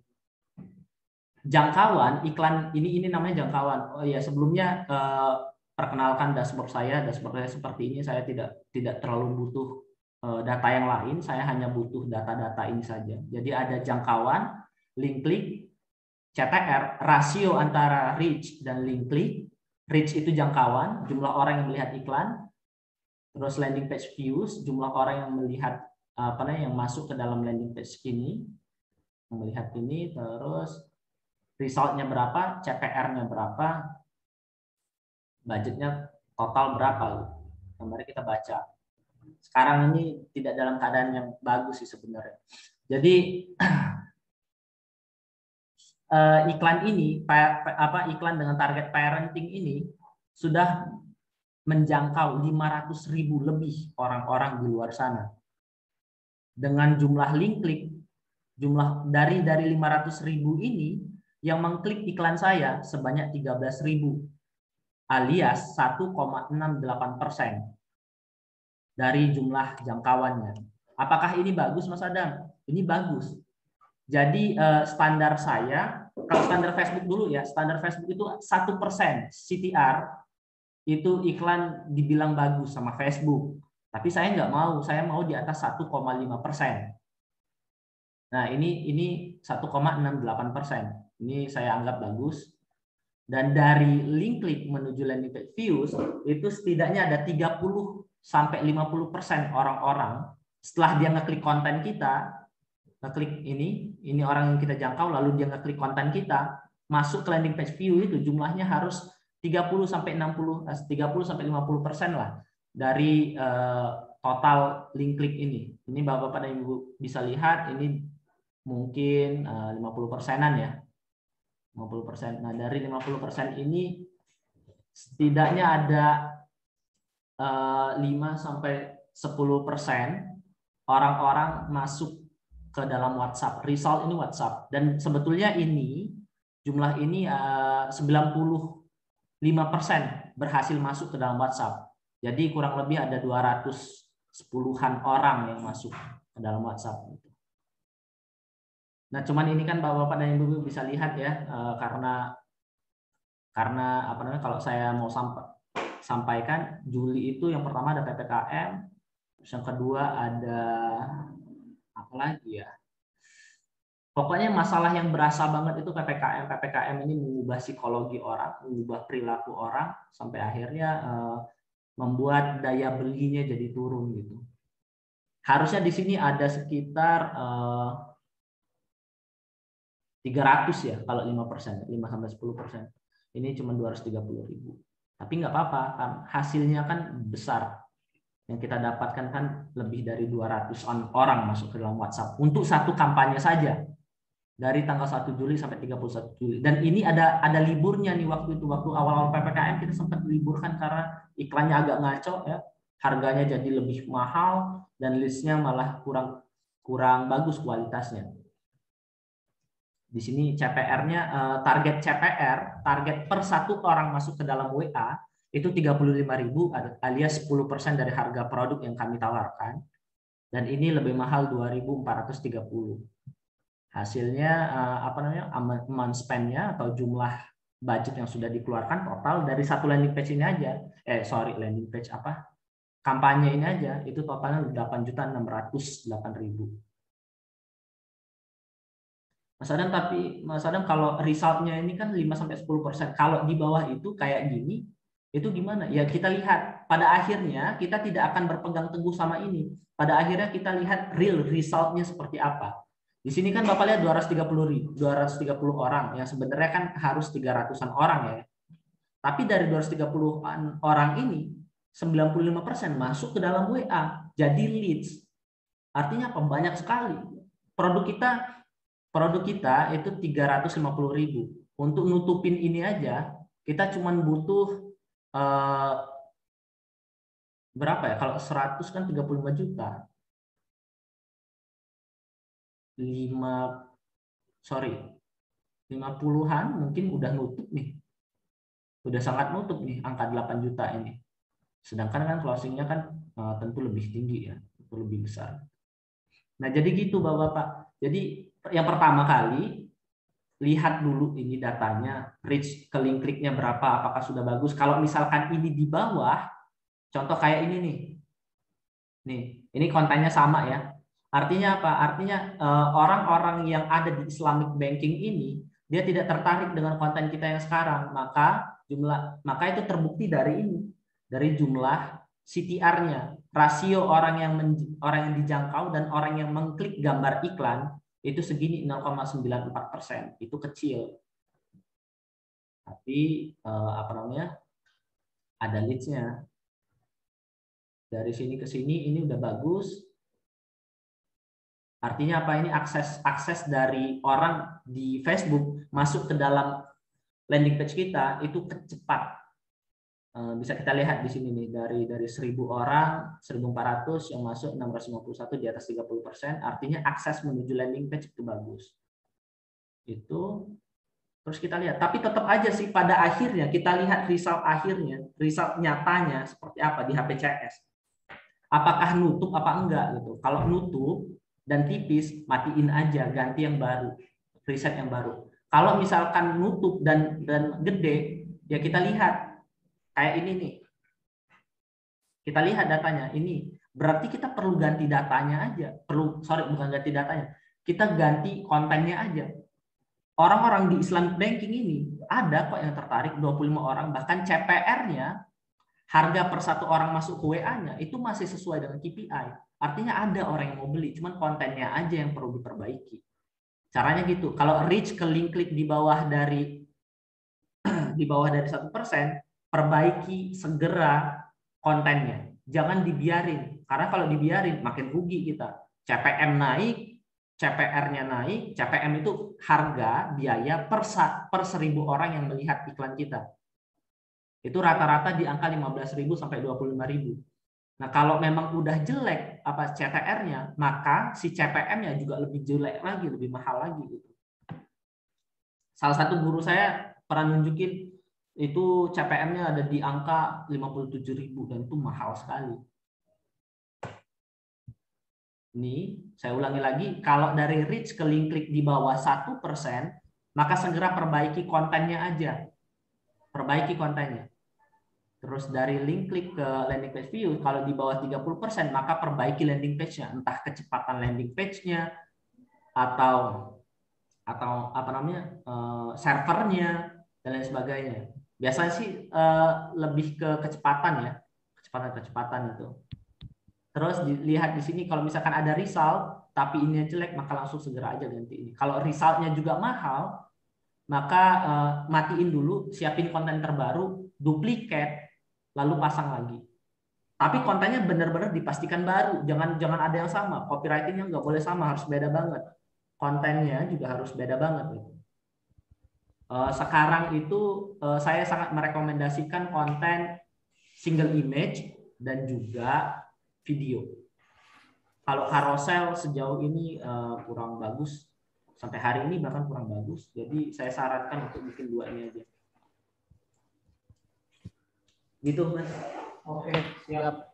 Jadi itu tuh di buka semua dashboardnya tuh. Iya. Buat teman-teman yang nanya tadi strategi scale up, itu semua ya mas strategi terus uh, nanti detailnya akan akan dibahas uh, tapi di lain waktu. Nah, kita juga nanti mau launching produk yang video tutorial itu ya mas?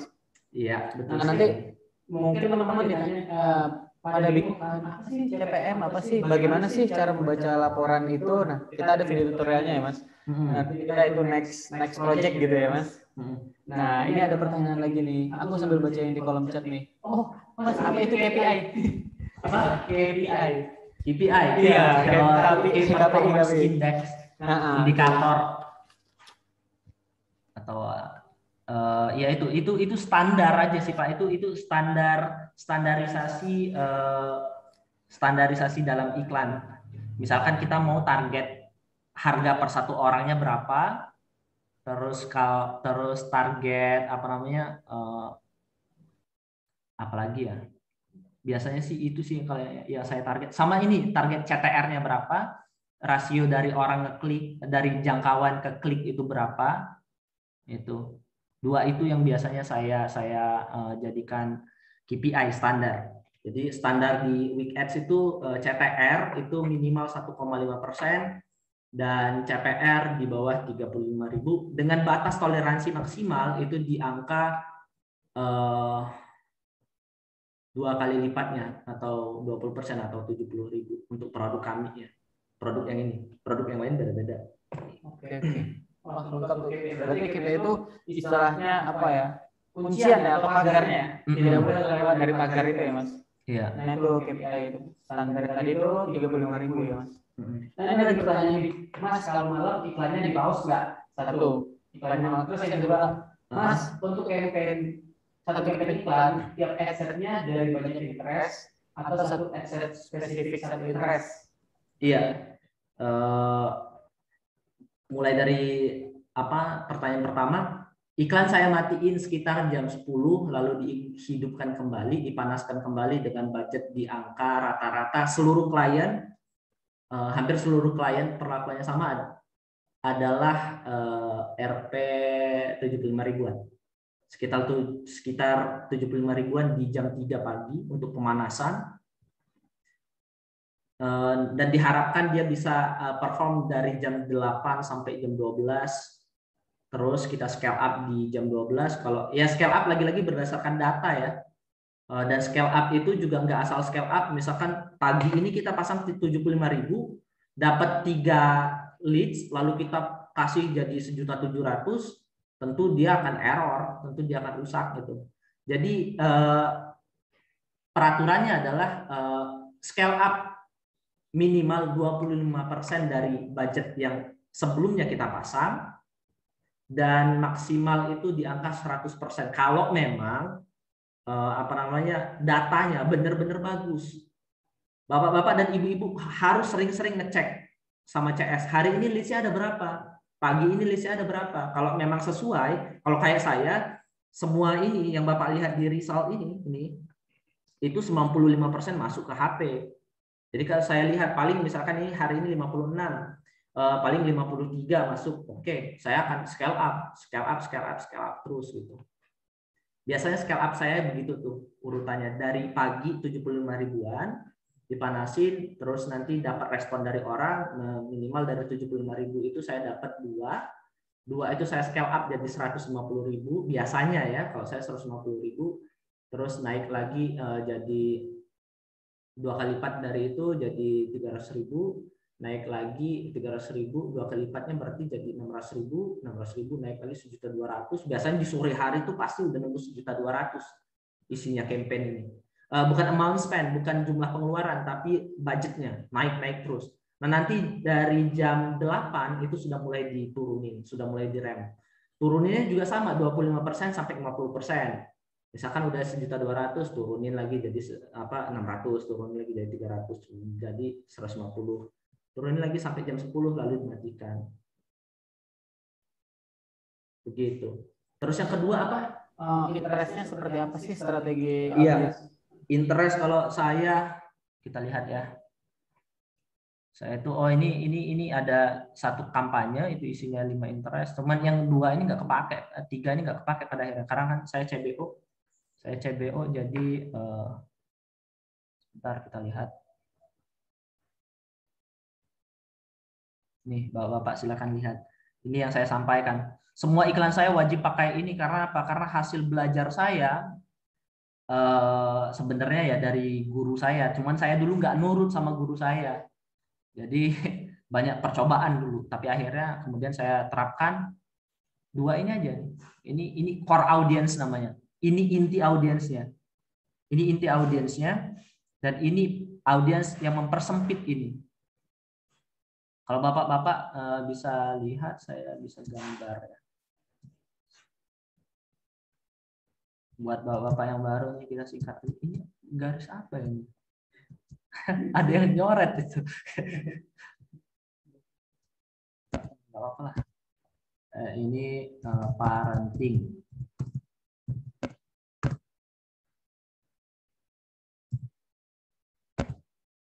Oh sorry kita kita tulisnya di luar aja nih. Ini parenting. Parenting itu jumlahnya ada berapa ya tadi ya Parenting ini ada 300 juta orang, Bapak-Bapak. 300 juta orang. Tulis di sini. 300 juta orang. Ini sangat tidak mungkin dijangkau oleh iklan dengan budget 100 ribu ke bawah. Bahkan sejuta. Sejuta aja belum tentu maksimal iklannya kalau untuk menjangkau 300 juta orang. Nah ini kan eh, sebelumnya saya mau sampaikan dulu Facebook mengkategorikan kita sebagai interest berdasarkan uh, hal yang paling sederhana yaitu kita nge-like sesuatu. Contoh bahwa Bapak dan Ibu-ibu ngebaca konten yang temanya parenting, maka Bapak-bapak dan Ibu-ibu sudah termasuk ke dalam target parenting sebagai orang-orang yang punya ketertarikan terhadap parenting.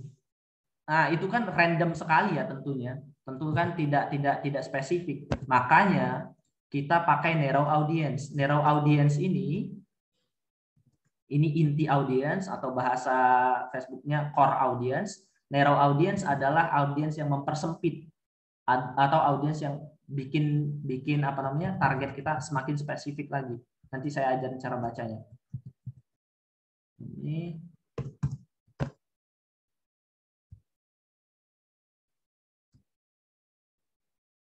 ini.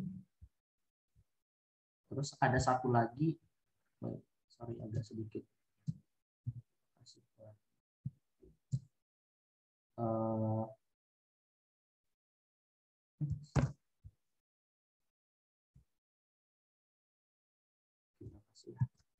ini engage shoppers. Silakan dicoba karena inilah uh, apa namanya salah satu rahasia saya uh, memanfaatkan uh, memanfaatkan apa namanya audiens gitu bahwa kan seperti yang pernah saya bilang di grup nggak mungkin ada orang yang mau dengan sengaja menembakkan audiens yang tidak spesifik terhadap produknya karena itu yang buang-buang duit gitu.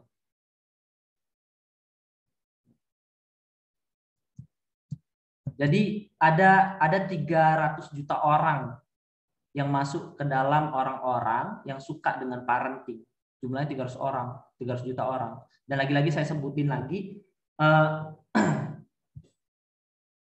uh, untuk Facebook menentukan kita sebagai interest terhadap suatu apa namanya uh, suatu suatu target tertentu maka kita cukup nge ngeklik like doang tuh. Maka kita udah dikategorikan sebagai orang yang suka A orang yang suka B. Artinya apa? 300 juta ini isinya random semua Pak Bu. Tidak spesifik nah caranya untuk menspesifikkan itu maka kita harus persempit dia kita persempit dia dengan apa dengan ini nih dua audiens yang saya selalu pakai di seluruh iklan saya. People in Indonesia who prefer high value goods. Orang-orang di Indonesia yang lebih menyukai barang-barang bernilai tinggi. Perlu diketahui bahwa orang Indonesia itu menganggap produk dengan harga 100 ribu adalah produk dengan harga yang tinggi. Makanya kalau udah di atas 100 ribu, lebih saya sarankan pakai ini pakai apa namanya yang ini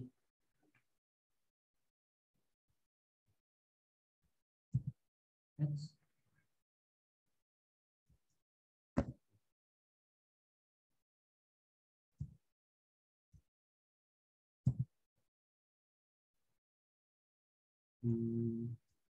Terus ada satu lagi namanya engage shoppers. Engage shoppers ini adalah pembeli yang berinteraksi. Pembeli yang berinteraksi ini ini semakin mempersempit orang.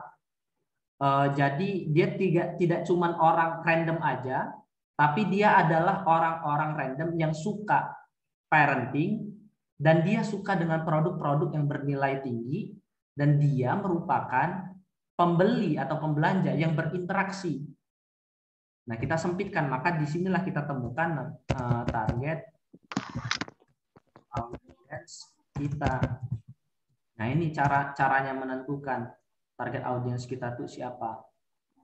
Inilah jumlahnya dari yang 300 ribu, 300 juta jadi cuma 12 juta orang saja. Uh, yang biasa saya lakukan uh, biasanya pakai satu core audience lalu pasang ini dan saya kasih exclude. Exclude-nya adalah orang-orang yang beragama non muslim karena memang mereka tidak butuh tujuh perempuan ya. Atau yang lain kayak uh, kalau produk digital yang lain itu saya biasa exclude business page admin, business page uh, owner atau atau apa gitu yang saya saya excludekan gitu. Biasanya juga pakai lima audiens. Coba coba kita lihat ya lima audiens itu ada di mana.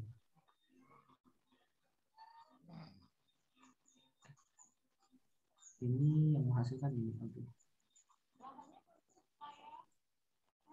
Oh ya ini ini sama. Ini satu. Biasanya ya 1 sampai 5 audiens di sini. Lalu saya pasang ini untuk untuk mengkerucutkan mereka supaya dapat target audiens terbaik saya. Lalu saya kasih exclude. Udah. Begitu aja.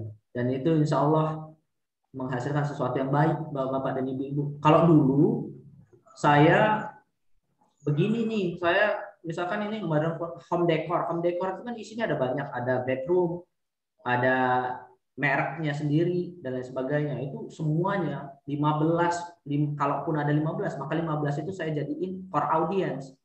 Jadi si Facebook bingung mana dulu yang aku mulai ya? Mana dulu yang harus aku jangkau ya? Audiens dari sisi mana dulu yang harus aku kasih tahu informasi tentang produk?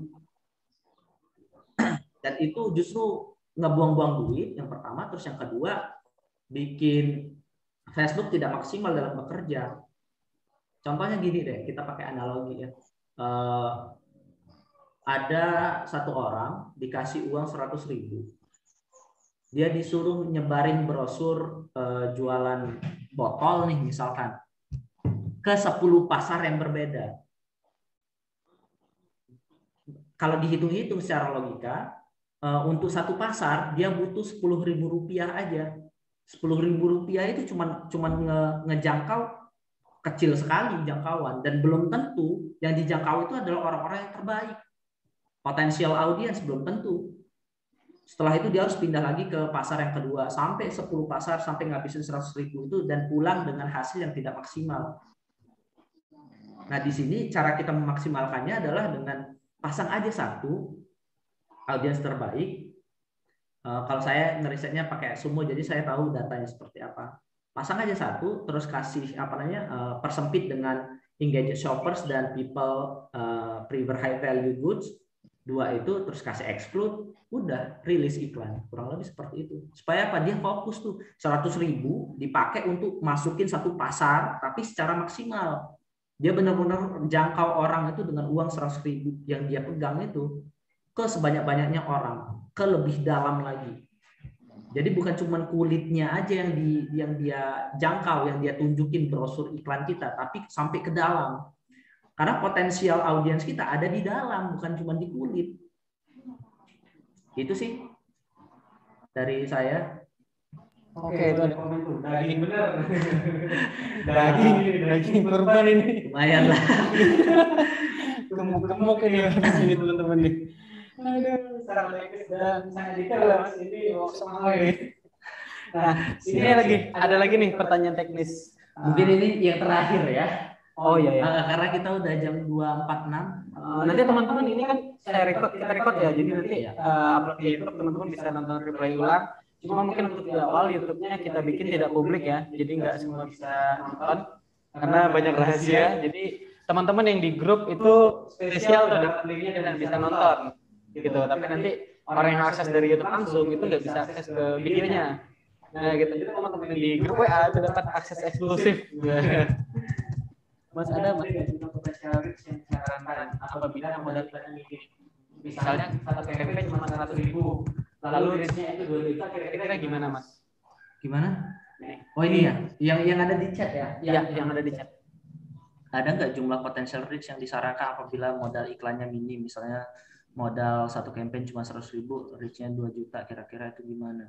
Uh, saya pernah dikasih tahu juga sama guru saya dan memang saya lakukan beda-beda ya. Kalau Pak Yoyo itu uh, eh, 500 ribu untuk menjangkau 10 juta orang kalau nggak salah sih. Seingat saya tuh itu. Kalau untuk 100 ribu biasanya berapa gitu dia tapi dia nggak main seratus ribu ya tapi kalau saya masih main eh, seratus ribu itu ya di angka berapa ya uh, Saya saya nggak bisa nyebutin detailnya karena memang karena memang beda-beda bapak ibu-ibu. Misalkan kita udah pakai formasi audiens yang sekarang saya sampaikan ini, kan ini kan 13 juta nih. Budget awalnya berapa? Dimulai dari budget berapa ya? Ini ribu nih. Sebenarnya enggak sih, sebenarnya rata-rata 100 ribu. Ini ini ini karena ppkm kemarin kita bener-bener keren banget 100 ribu. Nah dari dari itu dalam satu hari itu kita udah dapat kok audiens, udah dapat apa namanya uh, leads yang bagus gitu. Sudah dapat leads yang bagus dan sudah bisa kita konversi jadi profit untuk untuk apa namanya untuk menutupi budget iklan yang keluar. Sebenarnya maksimal. Jadi gini, uh, yang perlu kita pahami adalah bukan cuma budget gede, hasil gede, atau konten bagus, hasil bagus, belum tentu. Semuanya tidak tentu sebenarnya. Uh, kita bisa ukur berdasarkan data yang sudah kita miliki. Misalkan di tiga jam pertama kita udah dapat datanya. Nah kita bisa belajar memproyeksikan kira-kira ke depannya bagus nggak ya dengan budget sekian dan ini sekian gitu. Sebenarnya uh, nggak cuman budget doang yang mempengaruhi, tapi kontennya juga. Jadi 100 ribu, apakah bisa menghasilkan 10 orang? Bisa kok menghasilkan 10 orang. Dengan 100 ribu, apakah bisa uh, uh, apa namanya menghasilkan satu juta rupiah? Sangat bisa satu juta rupiah. Bahkan saya uh, waktu itu aja menghasilkan 2 juta ya mungkin dengan modal 100 ribuan gitu. 100 ribuan tidak sampai 200 ribu tidak 100 ribuan aja itu menghasilkan 2 juta. Karena apa? Karena leads-nya bagus. Leads yang bagus itu berdasarkan apa? Berdasarkan ya data ini. Data data ini jadi bagus karena apa? Karena konten yang kita bikin bagus, landing page yang kita bikin informatif dan edukatif, konten yang kita bikin itu bahasa marketingnya clickable. Orang-orang mau mengklik, rela mengklik iklan kita karena apa? Iklan kita bagus, yang kita tawarkan bagus. Jadi orang-orang mau ngeklik itu. Terus yang ketiga, copywriting kita mendukung. Copywriting kita, copywriting itu kalau bapak-bapak dan ibu-ibu uh, mau tahu, ada banyak sekali ilmu tentang copywriting. Yang saya pahami, BRIDGE, Bridge, AIDA. AIDA ini yang paling banyak orang tahu nih. Ada namanya power copy, long copy, dan short copy. Nah, lima ini itu saya kuasai untuk membuat sebuah copywriting ya tentu saya belajar bertahun-tahun untuk menulis ya. Uh, itu lalu produk kita sendiri. Sebenarnya produk kita itu potensialkah untuk dijual di masa sekarang atau tidak? Jadi ada banyak hal yang mempengaruhi uh, apa namanya performa dari iklan itu. Bukan cuma dari sisi budget aja dan sebagainya. Kalaupun misalkan 100 ribu reach-nya 2 juta ya bisa dapat bisa untung kok. Tetap bisa untung. Asal Eh, catatan yang tadi saya sampaikan itu terpenuhi semua, itu centang hijau semua, itu udah udah lengkap semua. Copywriting yang kita bikin keren, konten yang kita bikin bagus, clickable, orang-orang mau ngeklik. Landing page kita informatif, bukan cuma informatif tapi juga edukatif. Di dalamnya ada promosi yang sangat-sangat dibutuhkan orang. Di dalam landing page itu kita benar-benar memposisikan produk kita sebagai produk satu-satunya yang bisa menjawab uh, apa namanya masalah mereka saat ini Terus kemudian produk yang kita jual adalah produk yang benar-benar dibutuhkan oleh audiens kita. Gitu. Gitu sih. Oke, lengkap tuh mas. ya, ya lumayan. Tuh, ada lagi detailnya nanti akan kita bahas di ah. apa konten-konten sel apa nah, mentoring berikutnya dan juga kita kan akan rilis produk ya. Saya sama Mas Dadang sudah siapkan uh, apa namanya produk e-course yang sangat lengkap mulai dari awal sampai akhir yang memastikan bahwa ke depannya bapak-bapak dan ibu-ibu bisa lebih mandiri lagi belajar dan dibungkus dengan bahasa yang sangat sederhana lah pokoknya. Insya Allah. Siap, keren mas. Nanti teman-teman, uh, saya juga share ini ya, form untuk feedback lah apa aja yang teman-teman rasain di situ. Nah sekiranya butuh produk, kira-kira apa sih yang teman-teman butuhkan? Uh, materinya kah? Uh, berupa apa yang teman-teman butuhkan? Nanti share aja di Google Form. Kita sama Mas Adam yang berdua ya Mas Iya. Sambil merancang produk, jadi istilahnya kita ngeriset nih, ngeriset produk kebutuhan teman-teman itu apa, nanti kita coba siapin uh, kebutuhannya gitu. Nah ini tinggal tujuh menit, Mas ada beberapa pertanyaan lagi Mas. Aku pilih-pilih nih. ada yang menarik nih Mas tadi tanya Oh ya, referensi buku untuk belajar copywriting mas. Referensi buku untuk belajar copywriting. Uh, apa ya? Oh ini ada buku namanya Biologi dari Mal Martin. Biologi Uh, mana ya? Biologi itu. Aku sambil catat ke ini ya. Biologi dari in Lin Lindstrom. Oh ya, laku keras juga bagus. Laku keras itu bagus sekali. Biologi bagus tuh. Biologi. Hmm, biologi terus buku apa lagi ya? Saya uh, sama ini sih. Uh, bapak-bapak itu kelihatan nggak? Nggak kelihatan ya? Uh, ini? Namanya.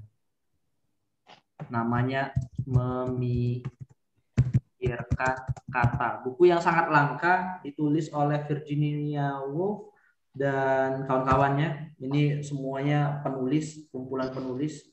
Kumpulan penulis ini punya punya apa namanya? Uh, sorry sorry. Punya banyak sekali uh, apa namanya hasil tulisan yang keren-keren yang bisa kita yang bisa kita pelajari isinya. Namanya memikirkan kata nanti saya share di grup. Oke okay, nanti saya share di grup ya bukunya ya mas. Dua itu sih sebenarnya ada banyak sih. Apa ya? bingung bingung ya selebihnya ya buku-buku biasa sama buku uh, DLTP ini kreativitas atau creativity itu sih nanti saya kasih tahu kok bukunya. Nah ini satu pertanyaan teknis boleh mas Adam? Apa pixel. Mas Adam dulu pixelnya apa aja? Oh pixel. Nah. uh, ya pixel itu saya pakai ini saya cek. ini mas sebelum jelasin itunya jelasin ke mereka pixel itu apa biar yang pemula-pemula pada ini kan. Oh iya. Apa baru pixel apa yang Mas ada pakai? Uh, uh. Iya, pixel itu alat tracking sebenarnya, alat mencatat. Uh, apa namanya? Uh, alat mencatat aktivitas audiens yang berinteraksi dengan iklan kita. Dan di dalam pixel itu ada banyak sekali, ada ada ada initial checkout yang diperuntukkan untuk orang-orang yang sudah mengisi form dan tinggal kita follow up supaya mereka jadi beli. Terus ada orang-orang eh, ATC, ATC itu uh, add to atau orang-orang yang mengakses keranjang, ada purchase, orang-orang yang melakukan pembelian dan lain sebagainya. Sebenarnya semuanya sama aja sih, peruntukannya untuk mencatat aktivitas orang berinteraksi dengan iklan kita. Sejauh mana mereka berinteraksi, maka masuk ke dalam catatan ini. Saya biasanya pakai ini check out. Saya nggak banyak-banyak, nggak kayak orang-orang. Orang-orang tuh bisa sampai tiga dia saya sama sama guru saya itu cuma pakai dua aja, gak usah banyak-banyak. Jadi di awal mereka akses landing page itu kita tanam view content atau page view, ya ini default settingnya, ini settingan umumnya.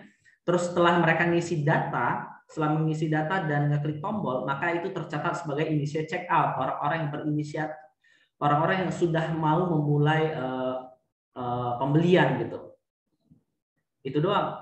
Dan satu catatan untuk untuk apa namanya untuk pixel bapak dan ibu-ibu dan catatan yang penting pastikan pixelnya dibuat rapi. Jadi misalkan kalau orang-orang yang mengisi form itu tercatat dari awal sebagai initial checkout atau orang-orang yang ATC atau orang purchase, maka jangan pernah ganti uh, jangan pernah ganti uh, apa namanya pixel itu akses akses apa namanya akses pencatatan pixel itu dari yang isi form kayak cuma klik tombol doang. Karena itu akan merusak semuanya.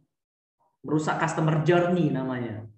Jadi robot Facebook akan belajar bahwa orang-orang yang purchase itu adalah orang-orang yang ngisi data lalu klik tombol masuk WA itu purchase. Di awal kalau di awal udah begitu maka eh, nggak boleh diganti. Di, di di akun iklan yang sama itu nggak boleh ganti gantinya di akun yang lain, akun akun yang berbeda atau bahkan di BM yang lain kalau mau.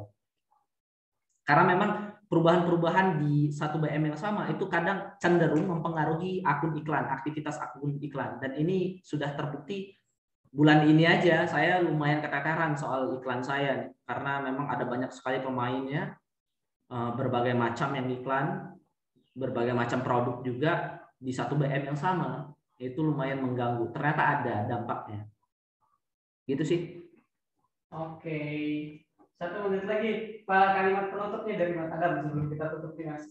Iya, uh, sebelumnya terima kasih banyak Bapak-bapak dan Ibu-ibu. Uh, saya sangat berterima kasih sekali bagi semua yang sudah hadir. Uh, mohon maaf kalau di uh, apa namanya kelas perdana, uh, sesi sharing perdana ini ada beberapa kekurangan, terutama dari sisi audio dan video uh, saya dan Mas Dadang mohon maaf yang sebesar-besarnya. Insya Allah ke depannya kami akan lakukan perbaikan dan pastinya kami akan uh, apa namanya memberi penampilan terbaik lagi dan kami akan bawa materi-materi yang jauh lebih dalam lagi tentunya secara gratis Insya Allah. Itu dari saya terus uh, mohon untuk tidak berhenti sampai di sini. Lagi-lagi uh, saya tidak menakut-nakuti atau apa tapi saya ingin membantu justru bapak-bapak dan ibu-ibu untuk untuk beradaptasi dengan dunia digital. Dan saya berencana untuk memberikannya secara gratisan. Eh, dan bahkan nanti bapak-bapak dan ibu-ibu juga bisa mempraktekkan ilmunya, mengimplementasikan ilmunya dengan produk yang sudah kami siapin, produk yang benar-benar lagi dibutuhkan orang dan nilai komisinya itu sangat besar sekali sampai 150 ribu per satu orang per penjualan dan itu adalah profit bukan HPP. Tidak ada potongan apa pun lagi. Semuanya bersih untuk Bapak dan Ibu sekalian. Dan ini eh, ke depannya akan kita rilis insya Allah dalam waktu dekat sih. Kurang lebih dari saya pribadi itu eh, silakan Mas Dadang. Ya, kita tutup ya teman-teman. Nah, ini banyak nih kata kalimat-kalimat terima kasih ya sama-sama. Nah, kita lanjut ke WA group nanti kalau mau diskusi-diskusi boleh. Tadi ada beberapa poin yang mau di Mas Adam share ya tentang judul buku dan lain-lain. Terus nanti ini linknya kita masukin ke YouTube, teman-teman bisa nonton nanti replaynya di YouTube. Nah untuk next project kita juga bakal bikin video tutorial seputar kebutuhan teman-teman nih, mulai dari yang paling dasar sampai advance. Dan nanti akan saya kasih lagi form untuk diisi feedback. Terserah mau diisi apa aja, kita untuk sebagai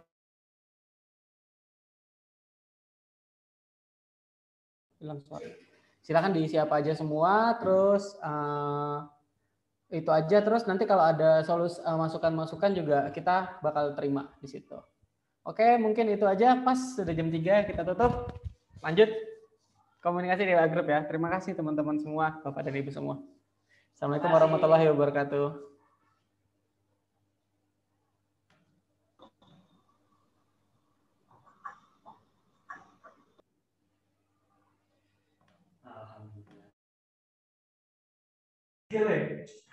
Lima puluh satu endingnya cuma berperan tiga loh endingnya berperan tiga ya. Dan tadi iya